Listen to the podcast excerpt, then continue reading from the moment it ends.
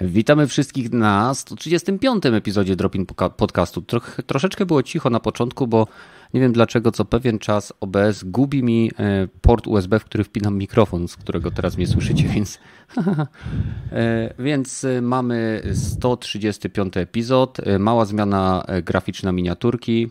Wszystko dzięki temu, o czym będę mówił za chwileczkę. E, rogaty! O, proszę, dobił na koniec ostatnim rzutem na taśmę na wolny slot, że się rzucił Rogaty, więc witamy. Dzisiaj jest Badyl, Kiwaku i Rogaty. Witam panowie. Cześć. Dobry wieczór. Hej, hej, hej.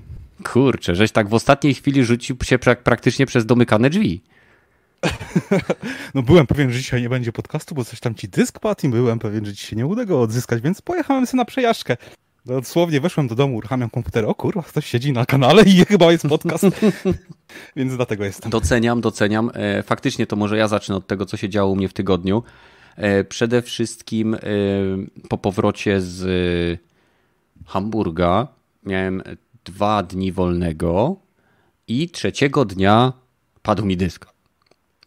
E, to był ten dysk, na którym dokonuję tych wszystkich nowych eksperymentalnych analiz FPS-ów i okazało się, że on nie padł mi po prostu, że się zepsuł, tylko jakimś cudem po ostatniej aktualizacji Windowsa na tym konkretnym zewnętrznym dysku, podpinanym przez USB, po prostu usunęło mi cały rekord partycji. Nie tak, że mi go wykasowało, tylko tak jak w momencie, kiedy podpinałem go dysk, ten dysk, widziało go jako niesformatowany. No to co zrobiłem? Oczywiście ściągnąłem adekwatne oprogramowanie i czwartek, piątek i całą sobotę odzyskiwałem 900 GB danych. E, jeszcze co prawda wszystkiego nie przejrzałem, ale większość wydaje się być nienaruszona i stąd też zmiany graficzne związane z miniaturkami i innymi rzeczami, bo po prostu nie udało mi się znaleźć tych konkretnych e, templatek wśród 168 tysięcy plików, które mam e, na tym dysku, które teraz muszę posegregować i przejrzeć ponieważ, ponieważ e, przy odzyskiwaniu tych e, plików e, nie wzięło pod uwagę, że kiedyś istniały foldery. Więc mam 165 tysięcy plików wrzucony na, wrzucony na dysk zewnętrzny. Fantastycznie, nie? To, to, to, to widzisz, jak warto dbać o porządek i do ten Badyl, Badyl, ja miałem porządek. To wszystko było posegregowane w folderach, ładnie opisane. Ale po, po co ci te wszystkie pliki? Wypierdol je. Słuchaj, nie, nie, wszystko jest na e, internecie. Są już, ja mam takie rzeczy, których już na internecie nie ma. Okay, ja okay. jestem stary. No. No dobrze, dobrze. Więc i, i, e, jeszcze raz witamy wszystkich. Cieszę się, że z nami jesteście. Przechodzimy do Kiwaku, który również wbił do nas, co prawda nie w ostatniej chwili, ale że tak powiem, w trybie, w trybie strażaka zjeżdżającego po róże do pożaru. Co u ciebie? Um, no właśnie jest taka ciena, bo ja praktycznie nic nie grałem przez ostatnie kilka dni, więc za mhm. bardzo się z niczym nie podzielę. Nie? Jedyne co mogę powiedzieć to to, że polecam strasznie serial The Boys e, z Amazon Prime. No wreszcie. Jest naprawdę, uh, jest, jest świetny. W no. końcu nadrobiłem. Cały? I, e, tak, oba sezony. Pięknie. No. The Boys to, są, to jest tłumaczone na polski chłopaki z baraków? Nie. tak, tak. A szkoda. Okay. A powiedz nie, mi, to... jeszcze, jeszcze mam pytanie, a Invincible widziałeś? Nie, jeszcze nie. To, Ale to też się nadrobi. To obejrzyj sobie po boysach, to też ci się to spodoba na pewno. Dobra. To, a, a, na, a jak tam w ogóle twoje pady? Wróciły? E, właśnie to jest najgorsze, że jeszcze nie, bo nie wiem czemu analogi jeszcze im nie przyszły, więc oni jeszcze nic tam w ogóle nie grzebali, czekają aż analogi im przyjdą. I What? tyle. Tak, A tak z ciekawości, z ciekawości spytam, e, w jakiej temperaturze siedzisz? Aktualnie? Aktualnie. Um, na zewnątrz jest 32 stopnie, a wewnątrz, nie wiem, z 25, 24. Kurczę, jaki luksus. Dobra. Badyl? Badyl? Ja, no. ja, ja w nic nie grałem. Grałem w Apexa, okej. Okay. Ale nie wiem, czy was to interesuje. Mogę poopowiadać fajne rzeczy o Apexie. A co się ciekawego w Apexie stało? Znaczy, co nowego się sobie, w Apexie stało? Wyobraźcie sobie, że dodali do Apexa, to oczywiście z początkiem tego sezonu, taki tryb, który się nazywa Areny. Mhm. I 3 versus 3. 3 versus 3, e, generalnie kupowanie rzeczy jak z CS-a, mhm. E, też zdobywasz walutę, też chyba możesz grać eko, żeby, że tak powiem, oszczędzać na następną turę. E, no tylko z tym Apexowym vibikiem, plansze oczywiście są odpowiednio zmniejszone, kupuje się tak samo umiejętności, także takie, no troszeczkę może bardziej Valorant, nie? Do, mhm. do, do 3 versus 3 zmniejszone. I Kurczę, to miało potencjał. W, w, na początku sezonu wchodziłem do tego, wchodziłem do, mm, e, do tego lobby i, i grało się fajnie, grało się przyjemnie, dopóki nie pojawił się pewien błąd. E, no, oczywiście Apex musi mieć, e, mieć błędy na początek sezonu. Nie dołączało trzeciego zawodnika, nie? Więc w obu drużynach? Granie, E, e, nie, e, w jednej drużynie. W sensie różnie to było, nie? Był problem po prostu z dołączaniem kolejnych, kolejnych osób. Więc często gęsto było tak, że graliśmy ja z moim ziomkiem 2 versus, versus 3. No to kurczę, ciężko było wygrać, bo o ile ja tam jeszcze coś tam kumam, tak ten mój ziomek, no powiedzmy, nie aż tak, żeby nadrobił, żebyśmy oboje nadrobili tego, tego jednego gracza. Więc no dostawaliśmy po prostu e, w wielu przypadkach bęcki. No i tak naprawdę zostawiliśmy to, e, bo myśleliśmy, że to u nas coś nałączy. Okazało się, że ten problem jest na tyle duży, że nikt nie chce grać w te areny. Jest bardzo ciężko znaleźć e, mecz, bardzo, cięż, bardzo długo się czeka i do tego stopnia Respawn tutaj no, musiał się nagimnastykować, żeby ludzie, ludzi zachęcić do grania, że tak naprawdę przez co, co 2-3 tygodnie wrzucali, mm, wrzucali specjalne wydarzenia, w których można było zdobywać skrzynki, e, tam jakieś skiny i tak właśnie zagranie w ten, w ten jeden tryb. Bo to znaczy innego powodu nie widzę, dla którego mogliby to, by to wrzucać, jak tylko po prostu, bo to też nie były jakieś skiny takie, to były po prostu mm, rekolory tych skinów, które są dostępne, więc to było dla mnie tak bardzo na szybko robione, takie, takie prowizoryczne ratowanie tego trybu i takie mam wrażenie, e, bo, bo dalej, jeżeli wybieramy ten, ten tryb, to po prostu nikt w to nie gra i bardzo długo się czeka.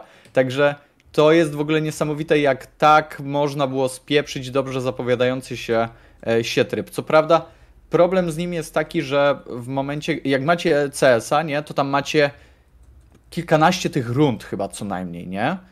Tutaj tak naprawdę może się skończyć na trzech rundach, albo to może trwać, no nie wiem, ale to bardzo, bardzo rzadko się zdarzało tak, że szliśmy e, jedna wygrana dla nas, dla przeciwników, dla nas, dla przeciwników, dla nas, dla przeciwników i wtedy to się ciągnie do tam chyba dwóch punktów przewagi. Mhm. E, ale to się zdarzało tak rzadko, że generalnie na sześciu rundach to się kończyło, a wczytywanie, wybieranie tego, e, postaci, kupowanie przedmiotów, wczytanie samego, samego meczu trwało tak cholernie długo, że nie opłacało się w to po prostu grać. Apex stracił tą swoją taką dynamikę bardzo, bardzo mocno. Także, e, także w ten tryb nie gram i nie grałem w ten tryb. Dlatego o nim postanowiłem powiedzieć. E, ale Bar... grałem w Apexa tak ogólnie i dalej jest fajny, dalej jest przyjemny, dalej go kocham. Dobrze. Dziękujemy towarzyszowi Badylowi za opowiedzenie Dziękuję. o trybie, w który nie grał w tak kwiecisty i rozwlekły sposób. Rogaty, tak wskoczyłeś do nas te, przez te uchylone drzwi jak e, powiew chłodnego wiatru, na który wszyscy czekamy. Co u ciebie?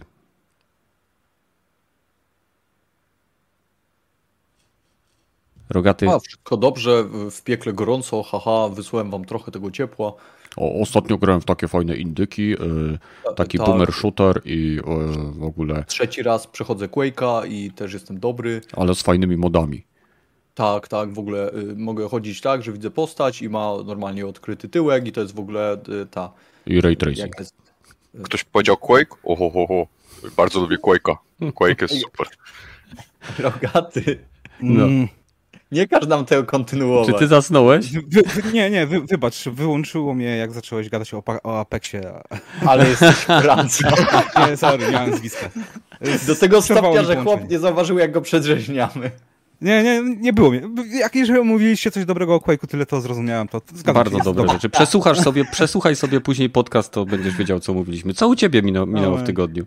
O man, e, jak ktoś, e, mówiliśmy o chłopakach z baraku, to wczoraj miałem podobną akcję jak jeden z chłopaków z pro, próbował naprawić łazienkę czy coś w tym stylu, więc e, nigdy nie wierćcie się na wylot dziur, tak jeżeli nie jesteście pewni, że tam jest rura za nimi e, w ścianie. dziur na wylot w ścianie, jeżeli nie jesteście pewni, że tam nie jest rura na przykład, mhm. ściekowa. tak, tak. Oh shit. Dokładnie. Dokładnie, oh shit. Ale udało się naprawić na szczęście. A powiedz, grubym wiertłem wierciłeś?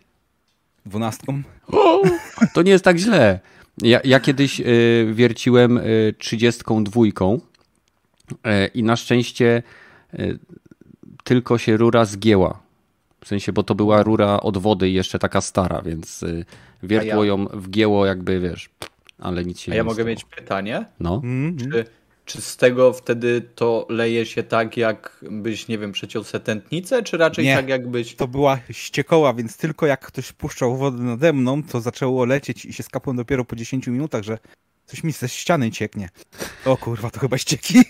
A, ale... a czyli to nie było tak, że to pryskało tak jak z takiego... Okej, okay. no a to, to zaraz, dobrze. Przepraszam, Byłem to... blisko. To twoją Byłem pierwszą blisko. myślą nie było, że to jest nawiedzony dom i widzisz właśnie ektoplazmę pojawiającą się na ścianach? Nie, nie, nie. Zapach zdradził. Nie, nie bo wiesz, e, taki dosyć mały dom, małe mieszkanie i boiler, mm. boiler mi się zepsuł, nie? Kupiłem sobie nowy, przywieszę sobie nowy, a no, inny rozstaw dziur za, za mocowanych jest. To se przesunę dosłownie jedną dziurę o 5 cm i akurat, kurwa, trafiłem w, w rurę ściekową od sąsiadów. Na szczęście tylko nie tą kanalizacyjną główną od kibla, tylko taką odprowadzającą z, z, z, nie z łazienki nawet, tylko z kuchni. Z ich kuchni rur, rurkę małą taką, hmm. więc tylko PCV udało się. Co prawda, Ale zamiast 20 widzicie? minut robić to co? Widzicie? 5 centymetrów to nie tak mało. Nie słuchajcie. true, true. Bardzo true. Ale okej. Okay. Nie mów już o mojej porażce, która mnie tak przywiła wczoraj, że właściwie dzisiaj nie, nie, nie nawet nie odpalałem właśnie Discorda i, i nie chciałem się, nie wchodziłem na internet, na, na, tylko grałem w gry z, ze Steama, z dema, ze Steama, które się pojawiły w tamtym, w jakimś festiwalu dem, które właśnie e, tak jakby jednocześnie było jak na zakończenie E3 się pojawiło. Gabe zamówił dema na Steama i sporo fajnych gierek tam się pokazało, e, którą by to mówić a chuj, tą pierwszą. E, Terranil, taka e, terraforming e, wastelandu, takich upadłych okolic. To jest taka izometryczna Widziałem, kolorowa jak... graficzka jest, jak się coś zbuduje. Tak, tak, tak, bardzo ładnie. Jak się terraformuje takie zniszczone, jałowe pustynie właściwie, to zaczyna właśnie najpierw trawka rosnąć, potem zaczynają, można drzewka sadzić, tak jakby trzeba odzyskać tą planetę, to chyba planeta jest, bo jak skończyłem tą pierwszą misję, to pokazała mi się cała planeta, udało mi się jedną jakby kontynent czy wyspę e, steraformować i potem się chyba rusza do następnej. Tylko ta jedna misja. Ale naprawdę przyjemny, taki chillowa giereczka.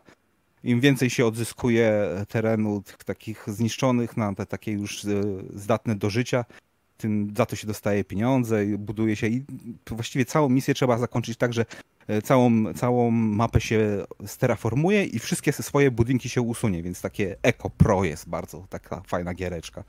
Fajny styl ma właśnie, tak jak mówiłeś, e, i nawet małe sarenki chodzą po pulach. Warto zobaczyć. Nie jest to pixel art, ale taki bardzo kreskówkowy. Strategia. Jak zazwyczaj ludzie e, Faktoria albo te, te takie inne gierki nie pamiętam, Satisfactory, jak się buduje maszyny, to tutaj się właśnie roślinność sadzi, żeby, buduje się maszyny, żeby roślinność sadzić, żeby steraformować. Bardzo, bardzo przyjemna, taka chillowa, ale na razie tylko demko grałem. 70 minut się gra w to demko, więc można sobie obczaić na, na Steamie.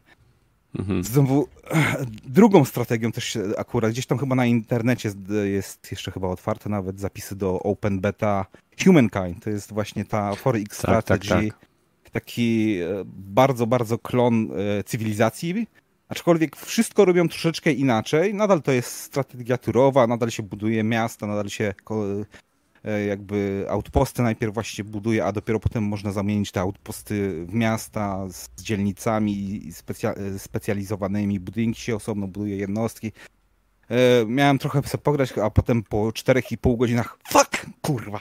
I, I zacząłem, no cholera, to jednak mi się podoba na razie ta gra. Mhm. Naprawdę chyba nie jest może tak rozbudowana jak Civ 6 ze wszystkimi dodatkami, bo to też ogląd, e, grałem ostatnio, ale Civ 6 z wszystkimi dodatkami to jest taka przytłuczająca gra już na samym początku. Może nie na samym początku, ale w drugiej czy nawet trzeciej erze już jest tak normalnie, tyle rzeczy masz do zarządzania. Nie, no nie, no to już jest praca praktycznie. A tutaj może dlatego, że pierwszy raz gram w tą grę i odkrywam bardzo dużo nowych, ciekawych rzeczy, e, to bardziej mi się ta giera na razie podoba od cywilizacji szóstki. No ale dopiero 4,5 godziny grałem, to wiecie. Cywilizację to po tysiącu godzin się poznaje, żeby wiedzieć, czy to dobra, czy to zła jest, nie? I e, też na tym festiwalu Dem też strategia, e, ale to jest parodia e, Heroes of Might and Magic 3. Country Balls Heroes się nazywa. Jak e, te kulki flagowe. Wiecie chyba, co to jest, nie? Country Ball. Takie mhm. po, polska flaga, nie, że Polska jest dziwna, więc nasza flaga jest odwrócona. Są wszystkie te, te, te tak jakby, no nie cywilizacje, tylko rasy właśnie jak Hiroshi, że Amerykanie właśnie mają country bola z taką typową żółtą fryzurą albo z, fryzu albo z generałami. Są brytyjski country ball, że ma kapelusik. To są Hiroshi wszyscy.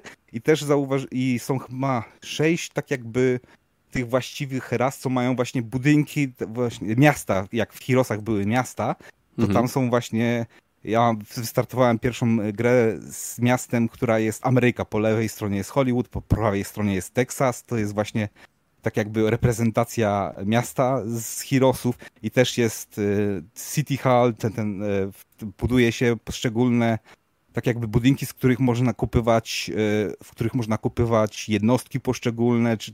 i wszystko memiczne straszliwie.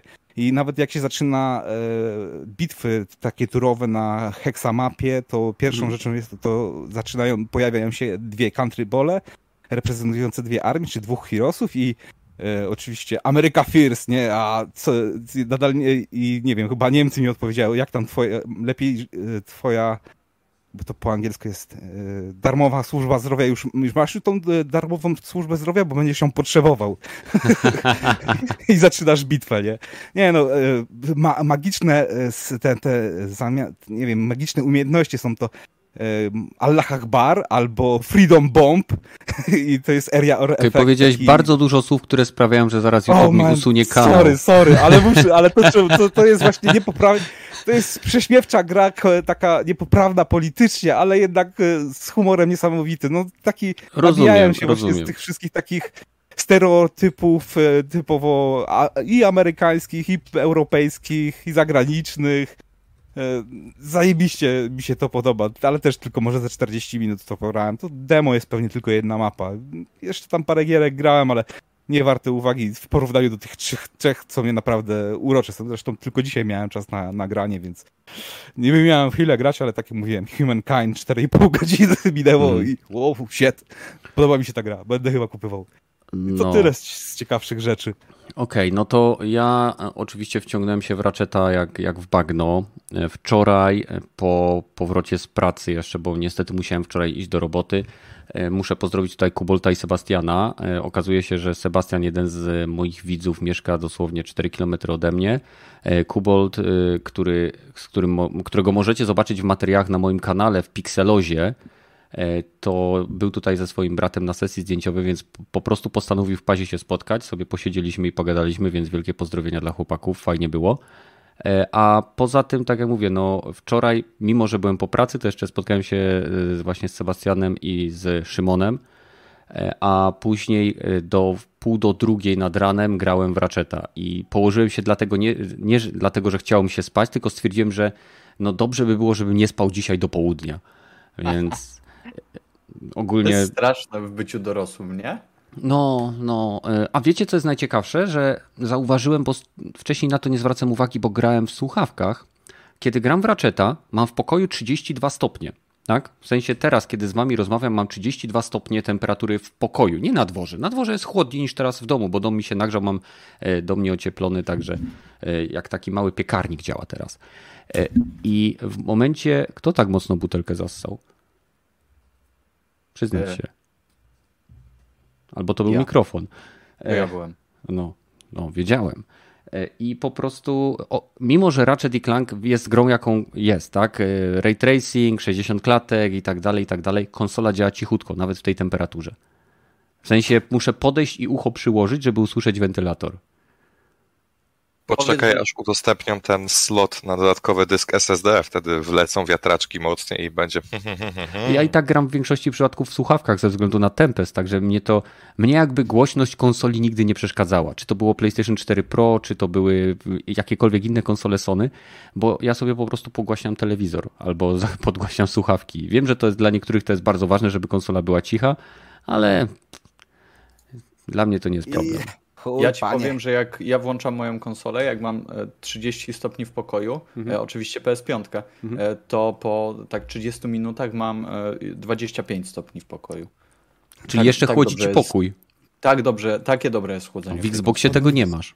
W Xboxie tego nie macie. Nie no, 21 Xbox jest lodówką. Wiadomo, że też chłodzi. O czym wy gadacie? No Ale to chłodzi dlaczego? tylko w środku, a Sony chłodzi na zewnątrz.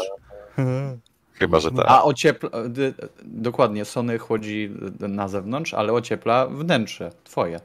Tak jest, Serduszko. serduszko. Okej, e, więc tym myślę wstępem możemy zakończyć e, nasze początkowe pieprzenie. E, I witam wszystkich, którzy zebrali się u nas na 135 epizodzie Dropin Podcastu. Fajnie, że z nami jesteście na żywo. Pamiętajcie, możecie nas słuchać na Spotify, na e, iTunes, na Castboxie, na Patronite Audio i i w zasadzie, jeżeli chcecie z nami pogadać, to wpadnijcie na Discord. Na Discord, y, na, na Discordzie mamy całkiem, myślę, zdrową społeczność. Kto tam y, przyjdzie i wytrzyma określony czas, to już, to już raczej, raczej nie wychodzi żywy. E, No i tyle. E, Pierwszy temat, słuchajcie, idziemy w pierwszy temat.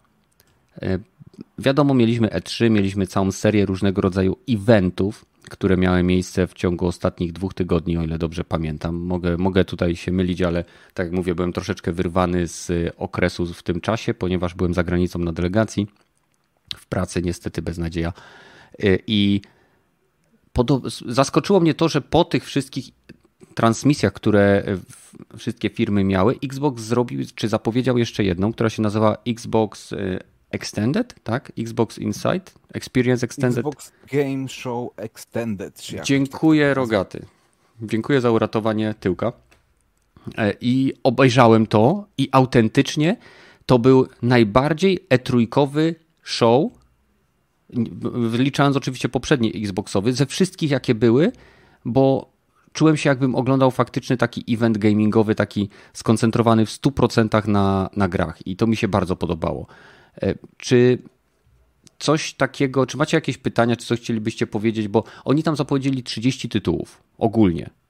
Y, Z czego z chyba te 30 to chyba nawet w Game Passie będzie, prawda, Rogaty? Nie, nie, nie. 27 będzie w Game Passie. 27. No. 27? O, przepraszam. Chyba z wyjątkiem.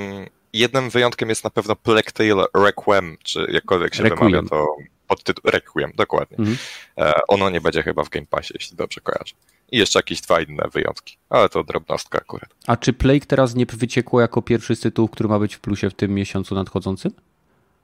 Um, ale Ja to chyba. Ale Innocence, ten remaster. Pierwszej części. Tak, tak, tak. O tym mowa. No coś takiego było. Bo Ale to jest już przecieki są, więc e, trzeba to brać z tak zwaną. Górą z przymrużonym okiem. Mhm. Typowo. Y, Rogaty, jakie gry z tego Xboxowego show zwróciły Twoją uwagę? Czy coś tam jeszcze Cię zainteresowało? Bo na przykład było, sporo mówili o Forcy, sporo mówili o, e, nie wiem, e, o Psychonauts, e, mówili też o Party Animals troszeczkę niestety, ale to taka minigierka. Atomic Heart miało troszeczkę pokazu też swoich jakby rzeczy, no i Ascent. Czy jakieś tytuły z tych Game Passowych rzeczy, które wiadomo też wychodzą na PC, prawda? Y, uważasz, że nie wiem, że na przykład będziesz w nie grał właśnie na konsoli? A, w- w- czym... Forza? No Mhm. nie wiem, raczej zagram na PC, aczkolwiek próbuję też jak będzie działało na, na, na Xie. W Mhm. zależności od tego, gdzie będzie działało lepiej, to będę raczej grał tam, gdzie będzie mi działało lepiej. No, no. E, co do Psychonauts właśnie, o ile tam te poprzednie trailery, no tak, no nie, no wygląda jak jednak e, druga część gry, która powinna wyjść może z, z 10 lat temu, to teraz uznałem, że nie, no jednak to, to wygląda może jak sprzed trzech lat giera, jeżeli chodzi o grafikę, ale o, o, świat. Świat jest rzeczywiście bardziej rozbudowany niż to, co kiedyś tam demo na Steamie pokazywali. Jednak e, te bardzo takie rejony e, ręcznie zrobione, nie, mało powtarzające się z tego, co pokazali. Może potem z czasem będzie, bo jedynka też miała tak, że praktycznie każdy level był e, umysł, innym umysłem i się tam dosyć tak. mocno... Zasady się e... czasem zupełnie zmieniały tak. tego, co się robiło i jak się robiło. Platformówka mm. zostawała, ale zmieniały się zasady rządzące światem. No, dokładnie. Mm, z Horizonta, no, te, tak jak mówiłeś o Plugtane, ten e, remake, może, bo w oryginała grałem, ale mm. nie skończyłem, więc może w remake'a pogram i skończę. E, nie no, cały pokaz mi się podobał, bo właśnie było, tak jak mówiłeś, e, taki bardzo konferencja, no publiki chyba tylko e, brakowało, żeby to nazwać właśnie taką typową E3 konferencją, gdzie dużo gadali właśnie deweloperzy o tym, co robią, co, co, jakie będą funkcje w grze. Podobało mi się, jak tam właśnie zarówno w Age of Empires, jak dużo o cywilizacjach gadali, mówili też właśnie o Age of Empires 2, gdzie Polskę mają dodać jako cywilizację. Tak do Age of Empires 2 HD, dodadzą cywilizację jeszcze. I też gadali, e, trochę ukradli tak jakby światło od Age of Empires 4, ale za, za chwilę to praktycznie chyba w czerwcu wychodzi pod koniec. Więc no okej, okay. wcześniej niż te cywilizacje do Age of Empires 2. Więc też, też jestem bardzo zainteresowany, że okej, okay, no, ma ręce i nogi. E, co tam jeszcze było takiego? No, trochę pogadali właśnie o, o, o Battlefieldzie, którzy, dobra, bardziej mi okej, okay, to może będzie miało ręce i nogi, byleby technicznie jeszcze tego nie spierniczyli e, i, i może ta gra będzie chyba e, taka na dłuższe czasy grania, nie, nie, nie będzie 5 minut pogram w multiplayer i nara.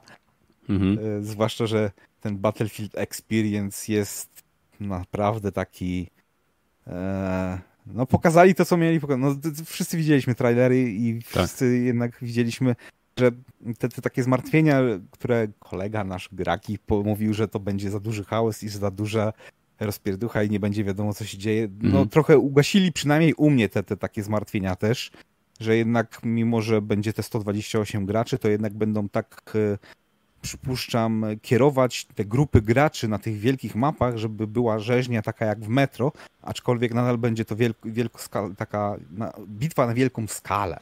No o ile wszystkie bardzo... 128 osób nie zbiegnie się w jedno miejsce, to raczej walka będzie toczyła się w wielu punktach na całej mapie. Bo tak, tak, tak. ja mhm. pamiętam, y, była gierka Massive Action Game na PlayStation trójkę, o ile dobrze kojarzę. I no, tam no. było 256 graczy i nie było chaosu na mapie. Nie było, nie było, ale tam były bardzo takie rejony, popraw mnie, jeżeli się mylę, mhm. że raczej nie widziało się na więcej niż może na 100-150 metrów. To były specjalnie tak zrobione, żeby nie dało się ani snajpować z dużych odległości, ani tak jakby e, rampage'u czołgami robić albo Tam pojazdów chyba no, praktycznie, no, nie pamiętam, no właśnie, pojazdów nie no. było e, i nie było zniszczalnego otoczenia, z tego co mogę, mogę się mylić, ale to już dawno temu było. Wiem, że była bardzo, bardzo silna struktura wojskowa całej, e, całej jakby no, każdej drużyny po, która miała po 128 osób, więc byli generałowie, dowódcy, którzy zarządzali po prostu, wiesz, y, by, była faktycznie jak jak weszłeś sobie tam w odpowiednią opcję, to miałeś całą hierarchię, która wyglądała jak, jak wojskowa hierarchia z, ze stopniami, żołnierzami, wiesz, porucznikami, generałami i tak dalej. I na początku przyznaję, że był chaos na samym początku, ale po pewnym czasie, e, jak już zostali ci ludzie, którzy chcieli grać w tą grę tak, jak się w nią powinno grać, no bo zawsze można grać, e, że tak powiem, e, w Apexa można grać patrząc ciągle w, w niebo, tak? Można biegać, tak? To, to wtedy już było fajnie, bo wykonywali rozkazy, prosili o wsparcie, o zasoby i, i grało się jak w takim prawie milsimie, tylko wiadomo futurystycznym. A, a to, no. że, to, że ilość graczy na map, na jakby na, na, o, tym, na ekranie była ograniczona, to jest oczywiste. To PlayStation 3 tam więcej niż 20 yy, nagle na, w, w, jednej chwili nie widziałeś. No.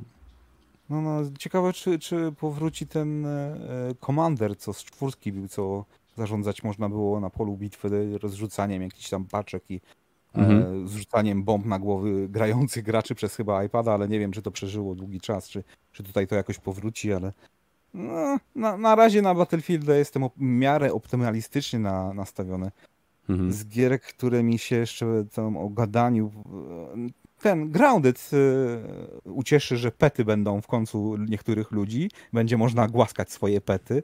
Chyba od jakiegoś tam małego robaczka zaczynają.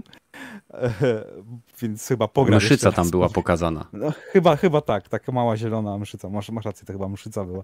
Ale nie, nadal ja mi się wiem. pojawia rozwój tej gry naprawdę pozytywnie taki. E, myślałem, że utknie albo zostanie nie tyle co porzucona, ale nikt nie będzie zainteresowany jak ta druga gra od e, Team Ninja, e, już nie pamiętam nazwy, coś 4 na 4 bitwa. Bleeding Edge. O, dziękuję. O kurczę, no nie ma sprawy. Już nie pamiętam nazwy, sorry, Gierka. No to to zdecydowanie wygląda, że większe zainteresowanie jest, albo po prostu sami chcą to kontynuować. Mhm. I to z gierek, które tam mówię, no to to już chyba wcześniej widzieliśmy ten Steep trochę. Nie, Shred, sorry, to nie jest Steep. Shred. Y, Shredder? Steep wyglądało lepiej. Shredders. No, może... Shredders się Shredders, gra nazywa. Aha. Steep wyglądało lepiej, ale tutaj gameplay mi się bardziej podoba, bo e, może za małe skupienie tego, co się. E, e, jak ktoś grał w tego.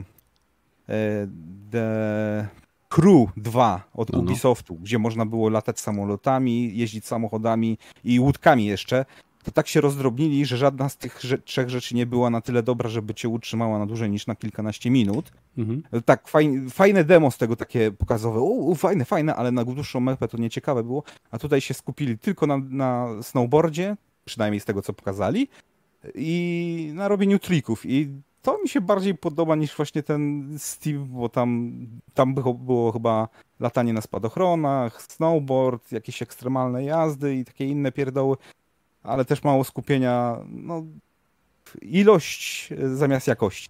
Czasami ilość ma jakość w samą sobie, ale w przypadku gier Ubisoft to po prostu a, dorzućmy jeszcze to i tu mi bardziej się to podobało, że jednak, no nie wiem, to jeżdżenie na tym snowboardzie bardziej przyjemnie wyglądało, nie? Mhm. To chyba wszystko z takich gier, co mi się naprawdę... Większość tych gierek pokazywa... No i e, zapomniałem wspomnieć, ale to nikogo pewnie oprócz mnie nie interesuje. Halo, to, to że właśnie e, multiplayer tak bardzo mocno mm, wytłumaczyli, jak będzie się grało i mhm. w którą kierunku idą, czy bardziej w koda, czy bardziej w Halo stronę, czy jakąś własny swój kierunek posuną to analiza tego trailera dla niewtajemniczonych to to kurwa, ale nuda, ale dla, dla chociaż takich coś odrobinkę, ja tylko odrobinkę w halogram. E, e, Okej, okay. widzę, że macie plan przynajmniej e, na, na tą grę i ma to ręce i nogi i mam nadzieję, że nie będzie to gra, która za dwa lata będzie fajna do grania. Tyle, tyle. I może jak wyjdzie w tym roku, będzie da, warto w to grać. Tym bardziej, że free to play może to być dobra konkurencja dla Battlefielda i może być to dobra konkurencja dla Koda, bo obydwie gry będą płatne i obydwie gry nawet y, mają przeszłość taką, że się zaczynały bardzo źle. Mhm. Znaczy, multi ma być chyba w 100% darmowe, a tylko tak. fabuła ma być płatna, więc y, to jest ciekawe rozwiązanie. Mi się osobiście ciekawe, dosyć ciekawe. podoba. Też, e, bo od lat tak mówiono o kodzie, że tak powinno może nie tyle co powinno być, ale kto gra y, w, w kampanię? No ja gram w kampanię głównie ja też. E, skoro już mówimy o Xboxie, mam też pytanie do Kiwaku i Badyla. E, czy widzieliście trailer e, Forcy Horizon 5, o ile dobrze kojarzę? Tak? Piątka też? Tak. Piątka. E, tak, I... to jest piątka. O, ładnie. I za chwileczkę o tym będę miał do Was pytanie, co sądziliście o tym, co pokazali, o grafice, o tym, jak to wszystko wygląda. Ale zanim do tego przejdziemy, chciałbym tylko poinformować wszystkich, którzy nas oglądają, że Xbox teraz prowadzi bardzo fajną promkę na Xbox Game Pass Ultimate. Jeżeli macie PC, który jest w stanie uruchomić gierki, lub macie Xboxa, e, który obsługuje Game Passa, bo 360 na pewno nie, e, to e, za 4 zł otrzymujecie dostęp do Xbox Game Pass Ultimate, czyli tego zawierającego również jej, jej Access czy jej Play, jak to się nazywa? Nieważne, to te gierki z elektroników e, to za 4 zł na 3 miechy dostaniecie. Ja osobiście zacebulowałem i wziąłem sobie te 4 zł. W chwili obecnej przypominam sobie Halo Reach, e, bo, bo już nie pamiętam jak ta gierka, e, że tak powiem, fabularnie się rozwijała. I przypomina mi się jedno, że już wtedy miałem awersję do prequeli, które opowiadają historię, której finał już znam. Hmm. To jest tak, jakbym oglądał prequel do Titanica. Nie dobra, muszę, Wie, wiem, że on zatonie. Aha, bo już znasz historię Rich, dobra. No tak, znam, bo, bo ja grałem Halo 1, 2, trójkę yy, i chyba przestałem grać na, jak było ODST, ale to też dlatego, że wtedy już miałem pożyczonego Xboxa i musiałem go oddać, bo jedynka, dwójka i trójka z tego co pamiętam była jeszcze chyba na oryginalnym Xboxie, ale mogę się mylić. Tylko, okej, okay, jedno takie, mhm. wiesz, e, grał, e, widziałeś Terminatora 3 i wiesz jak się kończy już, nie? Tak. Ale jak pierwszy raz go oglądałeś, to te zakończenie zdecydowanie może robiło z tego filmu, okej, okay, punkt do, e, na plus, że po, zrobiliście takie, a nie inne zakończenie. To tutaj w Richu jest moim zdaniem nawet ze dwa punkty na plus, że zrobiliście takie, a nie inne zakończenie. Mhm. Bo... Ja, ja, ja powiem ci, ja jeszcze gry nie przeszedłem, więc zakończenia powiem jak... ci szczerze nie pamiętam. Ja po bo, prostu bo, y, hmm. dziwnie się czuję, y, wiesz, jak mi się przypominają te sceny, y, gdzie tam chodziłem i robiłem te wszystkie rzeczy, że na przykład dla mnie było dziwne, jakim cudem tak istotna planeta w całym taktycznym systemie sojuszu, tak, czy jak oni tam sobie to nazywają, no ziemskich sił zbrojnych, mhm. nie ma systemów detekcji, skoro Covenant byli w stanie wylądować na tej planecie i przylecieć tam całymi statkami i nic im się nie włączyło. Nie do końca, bo oni używają dziwnej technologii poruszania się w nadprzestrzeni, takiej, którą możesz wykrywać masy, ale nie poszczególne jednostki do, dokładnie. To statek, który Działa... wisi na orbicie jest dosyć duży, a tak, oni mówią, że to... idź sprawdź, bo chyba rebelianci. Eee, I tak i nie. No, wiesz co? No nie, no wiesz, inne spojrzenie, jest, ja jest, się czepiam teraz. Wiem, wiem, nie, możesz się czepiać, ale no, mm, no, nie wiem, ja znam już teraz ten, bo czytałem parę tych książek. Fall of the Rich mi się przypomina, aczkolwiek to, co było napisane w książce zupełnie inaczej jest tak jakby w, w Richu e, opisane, samo zakończenie, jeżeli chodzi dokładnie, bo tam e, w Richu w ogóle Master Chiefem nie gra, tylko tym e, składem całym Spartanów. Mhm ale jest to tak jakby w świecie Halo. Wiesz co, my w świecie Halo ludzkość na tym poziomie e, konfliktu e, z, z Covenant, tak on się nazywa, to zgrupowanie mm. raz, tego co mówiłeś, z tego co pamiętam. Covenant my dostawali... chyba, tłumaczą to jako y, sojusz czy zgromadzenie, nie wiem, a re, re, no, religijni fanatycy generalnie. No, mniejsza z tym. Y, my dostawaliśmy baty już w tym chwili. Ta wojna trwała już chyba ze 4 czy 5 lat i z tego co pamiętam, dostawaliśmy takie baty, że traciliśmy praktycznie każdy system, w którym y, przymierze przylatywało i łoili nas dupy. Oni mieli taką przewagę technologiczną, że... Dzięki Forerunner e... Technology. Y, jeżeli nawet chyba na, oni mieli własną chyba technologię. Tak, tak, ale oni korzystali pewien. z tych artefaktów, oni y, wykorzystywali te artefakty pozostawione po, prze, przez tą poprzednią cywilizację jako swoje artefakty religijne, bo oni na, mm. na Reach przyszli mm. właśnie szukać kolejnych artefaktów, nie? Tak, tak, y, ale to też... Przymierze, nie, o, Gatki nam na czacie pisze, że to jest no, przymierze. przymierze. Z Arianem mi się przypomina. Ale mówiąc jeszcze troszeczkę o Halo i tej historii Reacha, to sama historia opowiedziana w tym y, Halo Reach mhm. jest naprawdę fajna i zakończenie daje tej grze dodatkowy punkt. Taki, no, jesteś postawiony przed bitwą, w którą nie możesz wygrać.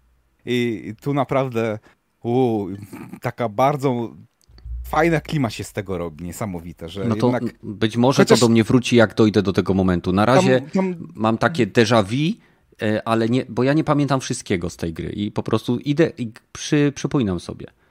Tak, tak, to, to fajnie się gra, ale to też ma, ta gra ma też ten problem, że w cutscenkach się e, w, w, gameplayu e, przed twoi koledzy nigdy nie umierają, a w cutscenkach, no wiesz, no muszą umrzeć. No oczywiście. Wiemy jak działają FPS Logic, jak działa. no dokładnie. Ale nie, no, jak grasz w Halo, to, to, to no nie wiem, jak do, dożyjesz, do te, jak dociągniesz do Game Passa do tego czasu, że wyjdzie Infinite, albo sobie przedłużysz, to możemy zagrać razem. Wiesz co, ja ci powiem, że jak usłyszałem o Psychonauts, że, że teraz ja się tak wetnę, to obejrzałem cały ten wywiad z Timem Schaferem i on mi tak sprzedał tą grę i tak ją chciałem, ale on mi mhm. tak sprzedał tą grę, że gdyby jutro Microsoft powiedział, słuchajcie, jednak zmieniamy decyzję, Psychonauts nie wyjdzie na konsolę Sony, bo teraz jest potwierdzone, że wyjdzie na PlayStation 4. Nie wiadomo co z PlayStation 5, no bo wiadomo, że nie wiadomo, tak?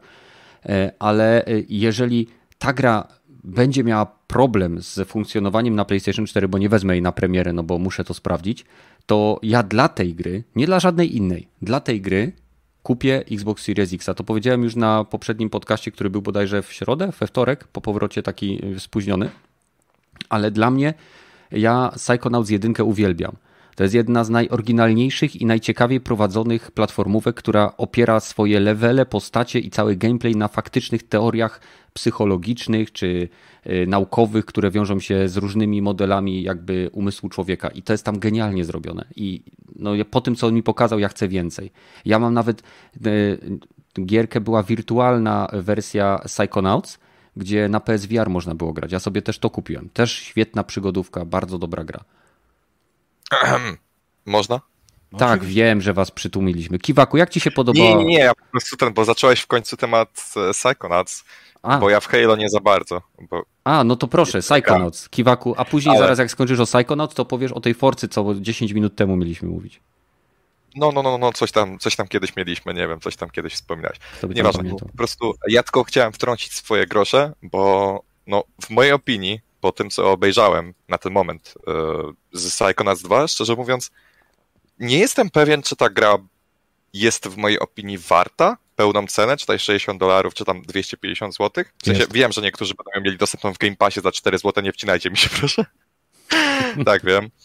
Ale e, szczerze, jak patrzę na nią i porównuję ją do swoich wspomnień, jakie miałem podczas grania w najnowsze odsłony Mario czy Crasha, które były za tą samą cenę, e, no to nie wiem, czy to reprezentuje taki sam pułap jakościowy, co właśnie te pozostałe E, pozostałe platformówki 3D, które są niejako królo, królami gatunku, nie?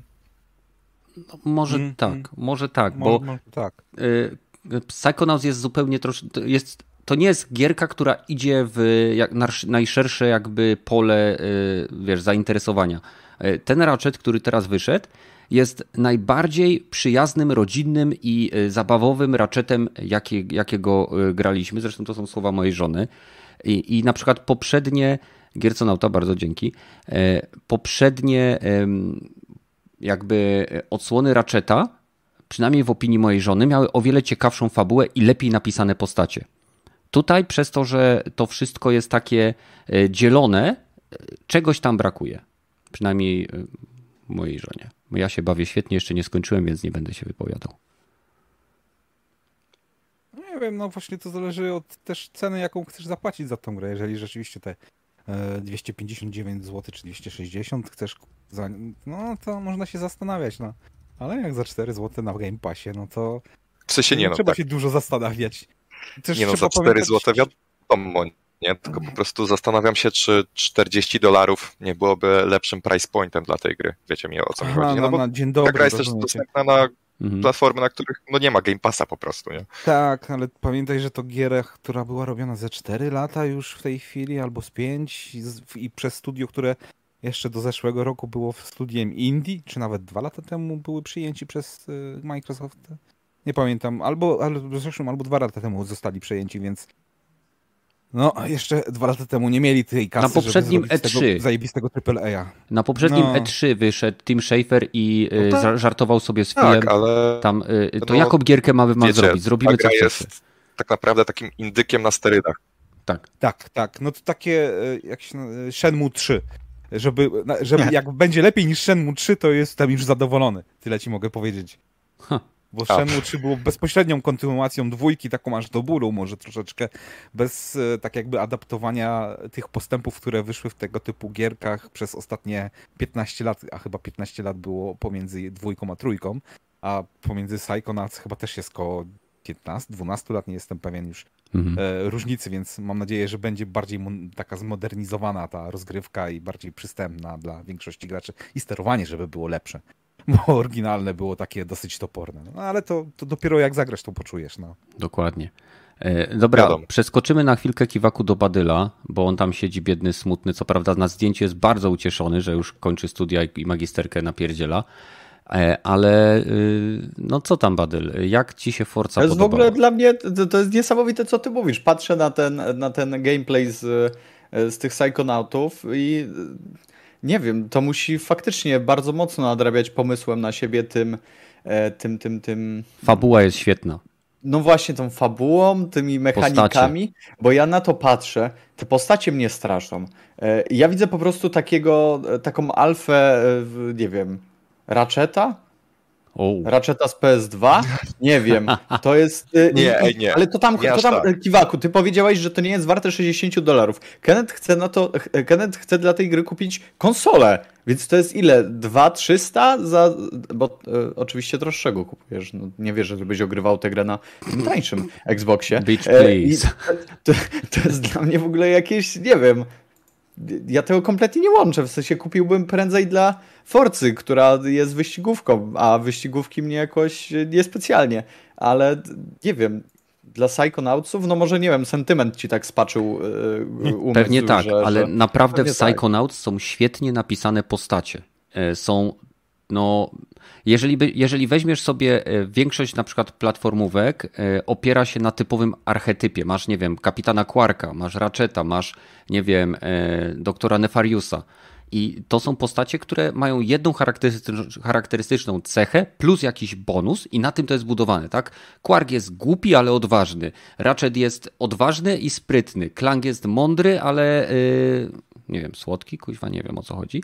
E, a e, w, przypadku, a w przypadku Psychonauts masz autentycznie te postacie po prostu ciekawie. Jak wchodzisz do gościa, który jest byłym militarystą, to to, co dzieje się w jego umyśle, jest adekwatne do jakby całych jego doświadczeń. Nie? Masz, masz całe levele, które są związane z, z urazami posttraumatycznymi z, front, z linii frontu. Jak wchodzisz do gościa, który jest mega spokojny na zewnątrz, to okazuje się, że trafiasz do freudowskiego układu y, naczyń połączonych, gdzie facet tłumi w sobie wszystko do momentu, aż to w nim wybucha i masz y, level, który się opiera na, tym, na tej właśnie postaci. To jest najciekawsze Psychonauts ale może też ja nie patrzę na to zbyt obiektywnie, tu się przyznam, bo e, jako osoba, która jakby liznęła troszeczkę psychologii na studiach, e, to widzę po prostu jakby precyzję przedstawienia tych wszystkich modeli psychologicznych i, i to jest dla mnie tam fascynujące.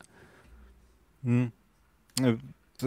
Double Fine właśnie robi takie gry, że jak nawet lizną jakiś temat, to lizną go tak głęboko, że i tak że z autentycznie, że, że, że ze smakiem, że naprawdę ci to wchodzi. No jak kuźwa wyszedł e, e, e, jak się nazywała ta gra z, z metalem? E, Brutal Legend. Brutal, Brutal Legends. Kiwaku, ty masz pamięć jak robot. Dziękuję, stary, zapominam je zawsze. zawsze Młody jestem, co ja ci powiem. No, a ja już staruch jestem, więc nie, dlatego ty, ty, ty, tyle tych tytułów pamiętam, że kiedy, jakieś mogę zapomnieć. To właśnie ten, te reprezentacja metalu, wszystkie te postacie zagrane przez Oziego albo Killmeistera, albo muzyka, jaka użyta jest, albo właśnie ta walka pomiędzy dobrem a złem i te, te e, ci głupi headbangerzy. Mhm. E, taki jest zajebisty humor, taka parodia tego rzeczywistego świata metalu, ale zrobiona ze smakiem, że nie czujesz się tak, nie czujesz się odrzucony przez to i tak właśnie mniej więcej Double Fine potrafi robić giery. To właśnie w Psychonauts też to ma. Nawet ich najgłupsze gry, y, te co się chodzi matrioszkami rosyjskimi, y, nie pamiętam, Stakt się nazywało to, gdzie chodzisz Aha. tymi rosyjskimi laleczkami, co jest jedna w drugiej. I cała koncepcja mhm. gry opiera się na tym, że ty jako najmniejsza laleczka możesz przejmować kontrolę nad innymi postaciami po prostu wskakując do nich. To akurat brzmi epicko no, no to sobie zobacz, Stakt się to nazywa i y, naprawdę bardzo fajna fabuła i, i, cała gra jest stylizowana na przedstawienie kukieł, kukiełkowe, gdzie ty oglądasz scenę. No, nieważne. Y, co z tą Forcą? Badel, jak ci się nowa Forza Horizon 5 podoba? Bardzo mi się podoba, że jest etap, w którym można potrącać te, y, te, te, te pluszaki z Fortnite'a, te lamy takie. To jest zajebiste. Też ci się to z Fortnite'em kojarzyło? Tak, w sensie to nie ma innej opcji, żeby to nie było Fortnite. E, gardzą e, tym, tym, tym przedmiotem, bo w niego wjeżdżają, to, to, jest, to jest nawiązanie do Fortnite'a na 100%. Aha, czyli twierdzisz, że to jest metafora gardzenia Fortnite'em. W sensie, no a jak ty to widzisz? No bo Zupełnie wiesz, tak Fortnite, samo. bo ja, czekaj, jak już to analizujemy to tak, Fortnite jest naj, największą grą na PlayStation. Forza Horizon jest jedną z największych gier na Xboxie. Więc jeżeli samochody w Fordzie wjeżdżają w e, lamy, które przypom- przypominają lamy z Fortnite'a, to znaczy, że Xbox gardzi PlayStation. Poczekaj chwilę. Poczekaj chwilę. Co to znaczy, że Fortnite jest największą grą na PlayStation? Jest jedną z największych gier na PlayStation. A jest jedną z największych gier. Najpopularniejszych. Najwięcej ludzi gra w Fortnite'a na PlayStation. Zaraz za Apexem oczywiście. Tak, to Zaraz wiem się- wszystko, zaraz ale za- Znaczy, jeżeli masz kij ma dwa końce i na jednym masz Fortnite'a, na drugim Apexa, to tak. Jakby ci to powiedzieć? zamknij się. Zamknij, nie niż mi w ogóle mojego życia. Zostaw mnie. Ten podcast ma bawić i uczyć, a nie niszczyć Badylowi życie. Myślę, że E, się bawimy. I ja chciałem powiedzieć, że e, nie wiem, no kurde, wyścigi, jeżdżą sobie tymi samochod, samochodzikami, no ale Ładnie wygląda, nie? no ładnie wygląda. No, no powiedz to, no właśnie. Prawie się udławił, jak mówił, ale powiedział. Ładnie wygląda, cieszę się, że to nie wyszło ode mnie bezpośrednio. E, No jest spoko, te samochody, kurczę. Chyba bym sobie pograł w taką wyścigówkę, ale tylko jak patrzę. To jest tak jak z egzaminem. Jak, e, jak wiesz, jak patrzę na to, co mam umieć, to umiem. Jak nie patrzę, to nie umiem. I tutaj mam troszkę tak samo. E, Generalnie jak patrzę, to bym sobie zagrał, ale jak nie patrzę, to w sumie mam w dupie. Dobrze się bawię już bez, że tak powiem, żadnej ścigałki na, na, na mojej konsoli. Dawniej mnie pochłaniało Need for Speed i chyba skończyłem tak naprawdę na, na tym ostatnim Most Wantedzie czy Deranie. Nie pamiętam, ale wtedy się bawiłem dobrze. Domyślam się, że Forza robi to o wiele lepiej niż, niż robi to Need for Speed. E, W sensie te wyścigi wszystkie, więc. A tutaj widzę, że nie zatrzymali się do samego, e, na samym tak naprawdę wyścigowaniu, bo dodali właśnie te, te, mm, te dyscypliny, jak rodem z Fall Guysów tak naprawdę. Nie wiem, czy widzieliście, tam jest e, ten, ten etap, gdzie jesteście, musicie wjeżdżać w e, Kręgle. kręgle, wyrzucają was jakieś wiatraki do góry. Tak, to jest kreator poziomów i wyzwań. Całe logiki tam możesz ustawiać, że na przykład możesz ustawić dwie drużyny i zbicie kręgla nabija ci punkty. Ale jeżeli chcesz, to możesz ustalić na przykład, że na przykład każda z drużyn ma po 100 punktów i zbicie kręgla obejmuje w drużynie przeciwnej. Możesz ustawić całe zupełnie no, nowe mechanizmy gameplayowe z wykorzystaniem masy różnych efektów i przypomina mi to troszeczkę Trackmanie. Tak, troszkę, troszkę tak, ale to jest chyba okej, bo można sobie to jakoś urozmaicić. E, To, co chciałem powiedzieć, to jednak widać, nie wiem, czy to wina mojego telewizora. Nie, to pewnie nie jest wina mojego telewizora, tylko wczytują się bardzo, tam jak spojrzycie sobie w tło, jak jadą te samochodziki, to tak dość blisko się wczytują te, e, te detale. Nie wiem, czy to tak powinno być, czy ten. Ale śmieszne, bo na przykład w Gran Turismo tego nie widziałem. Jak Bo tam nie ma trailer, a tutaj detali. To widzę. No, tam nie ma. Tam detale No, są, w w Gran Turismo detale masz na samochodzie. I koniec. Y, Nie, no I co pewien czas małpa wiem. na drzewie. powiem wam tak, że na pewno jakbym miał Xbox, Xboxa, Mhm. to Masz. grałbym w Force, ale okej, to, Masz. mo- to może nie. Właśnie. Jakbym miał Xboxa Series X, to bym grał w tą Force, No. ale nie kupiłbym dla, dla, dla, dla tej Forcy Xboxa. No widzisz, i dlatego ja kupię dla Psychonauts, jeżeli nie wyjdzie poza platformę. Tak samo jak No to- kupię dla Starfielda, jeżeli nie wyjdzie za platformę. To ma więcej, to ma więcej sensu. Ale to nie wiem, może ja, ja na pewno nie jestem targetem, bo już dawno wypadłem z tych, e, z tych ścigałek, także Mm. nie, Witamy spoko, wszystkich, no którzy dołączyli. No mów, Y, mów. Do, dobry. Nie, już nie chcę mówić. Tak? Nie chcesz mówić, Już nie będę. Nie, nie. Okej. To tak jak jest takie dziecko, co mu wmuszasz, wiesz, na łyżce tą zupkę. Masz, nie, nie, nie, nie, Okej. nie, nie. E, To jeszcze mam pytanie, bo ym, ogólnie Ascent ma mieć premierę ile za miesiąc? Dwa? Jakoś w tak- lipcu. W lipcu już? E, to jeszcze ogram No, sobie to na. Game Passie za 4 ziko. A 27. No. Pięknie, podoba mi się, podoba mi się. E, Ja, ja ze swoich e, jeszcze takich spostrzeżeń mogę powiedzieć, że e, z tytułów, które Microsoft na pewno pokazał i które są tytułami, które mogą mnie przeciągnąć do tej platformy, to jest przede wszystkim Starfield, tak jak wspomniałem, Psychonauts, Outer Worlds 2, em, Halo Infinite y, to już to jest inna sprawa, bo to jest już y, bardzo rozbudowana saga. E, co jeszcze? Kontraband. Kojarzycie, czy Kontraband jest tytułem multiplatformowym? Mm, jedyne co wiemy to to, że będzie to koopowa gierka z otwartym światem dla Microsoftu póki co. I mhm. tylko tyle. Dokładnie. A i e, wróciła ta gierka 12 minut o pętli czasu, gdzie próbujemy się e, obronić przed napadem. To jest też ciekawe. Jest, brakuje mi tutaj pewnej przejrzystości, bo e, Microsoft na, na tych swoich konferencjach niestety mamy informacje console exclusive, console launch exclusive i można założyć chyba, że wszystkie, które nie były niczym opisane, no to są już multiplatformy, prawda? No, Tale jest na przykład multiplatformą. Atomic Heart też. Tak. E, pytanie teraz, czy Party Animals na przykład jest, czy e, no nie wiem teraz na W przypadku Party Animals akurat nie ma to żadnego znaczenia, bo Ej, to widziałeś tego Korgiego? Gang Beasts, więc zagrajcie w oryginał. No tak. E, w każdym razie chciałem tylko jeszcze wspomnieć, że ogólnie cały show Microsoftu był mega, mega popularny ponieważ e, te gry, które akurat Microsoft pokazywał i nie tylko, e, były w liście najczęściej oglądanych tytułów, czy raczej filmów, które się pojawiły i e, mamy tak, Elden Ring, Elden Ring kilka dni temu miał 10 milionów wyświetleń, na drugim miejscu był Battlefield 2042, 9 milionów 600 tysięcy, na pewno teraz już więcej. Później Avatar Ubisoftu, później Starfield, Stalker 2, który na chwilę obecną jest ekskluzywem, e, przynajmniej premierowym Microsoftu, mogę się mylić, i Forza Horizon. Więc y, ogromny sukces. Nie ma tutaj w zasadzie żadnego tytułu ze stajni Sony, bo Sony no powiem, nic nie zrobiło.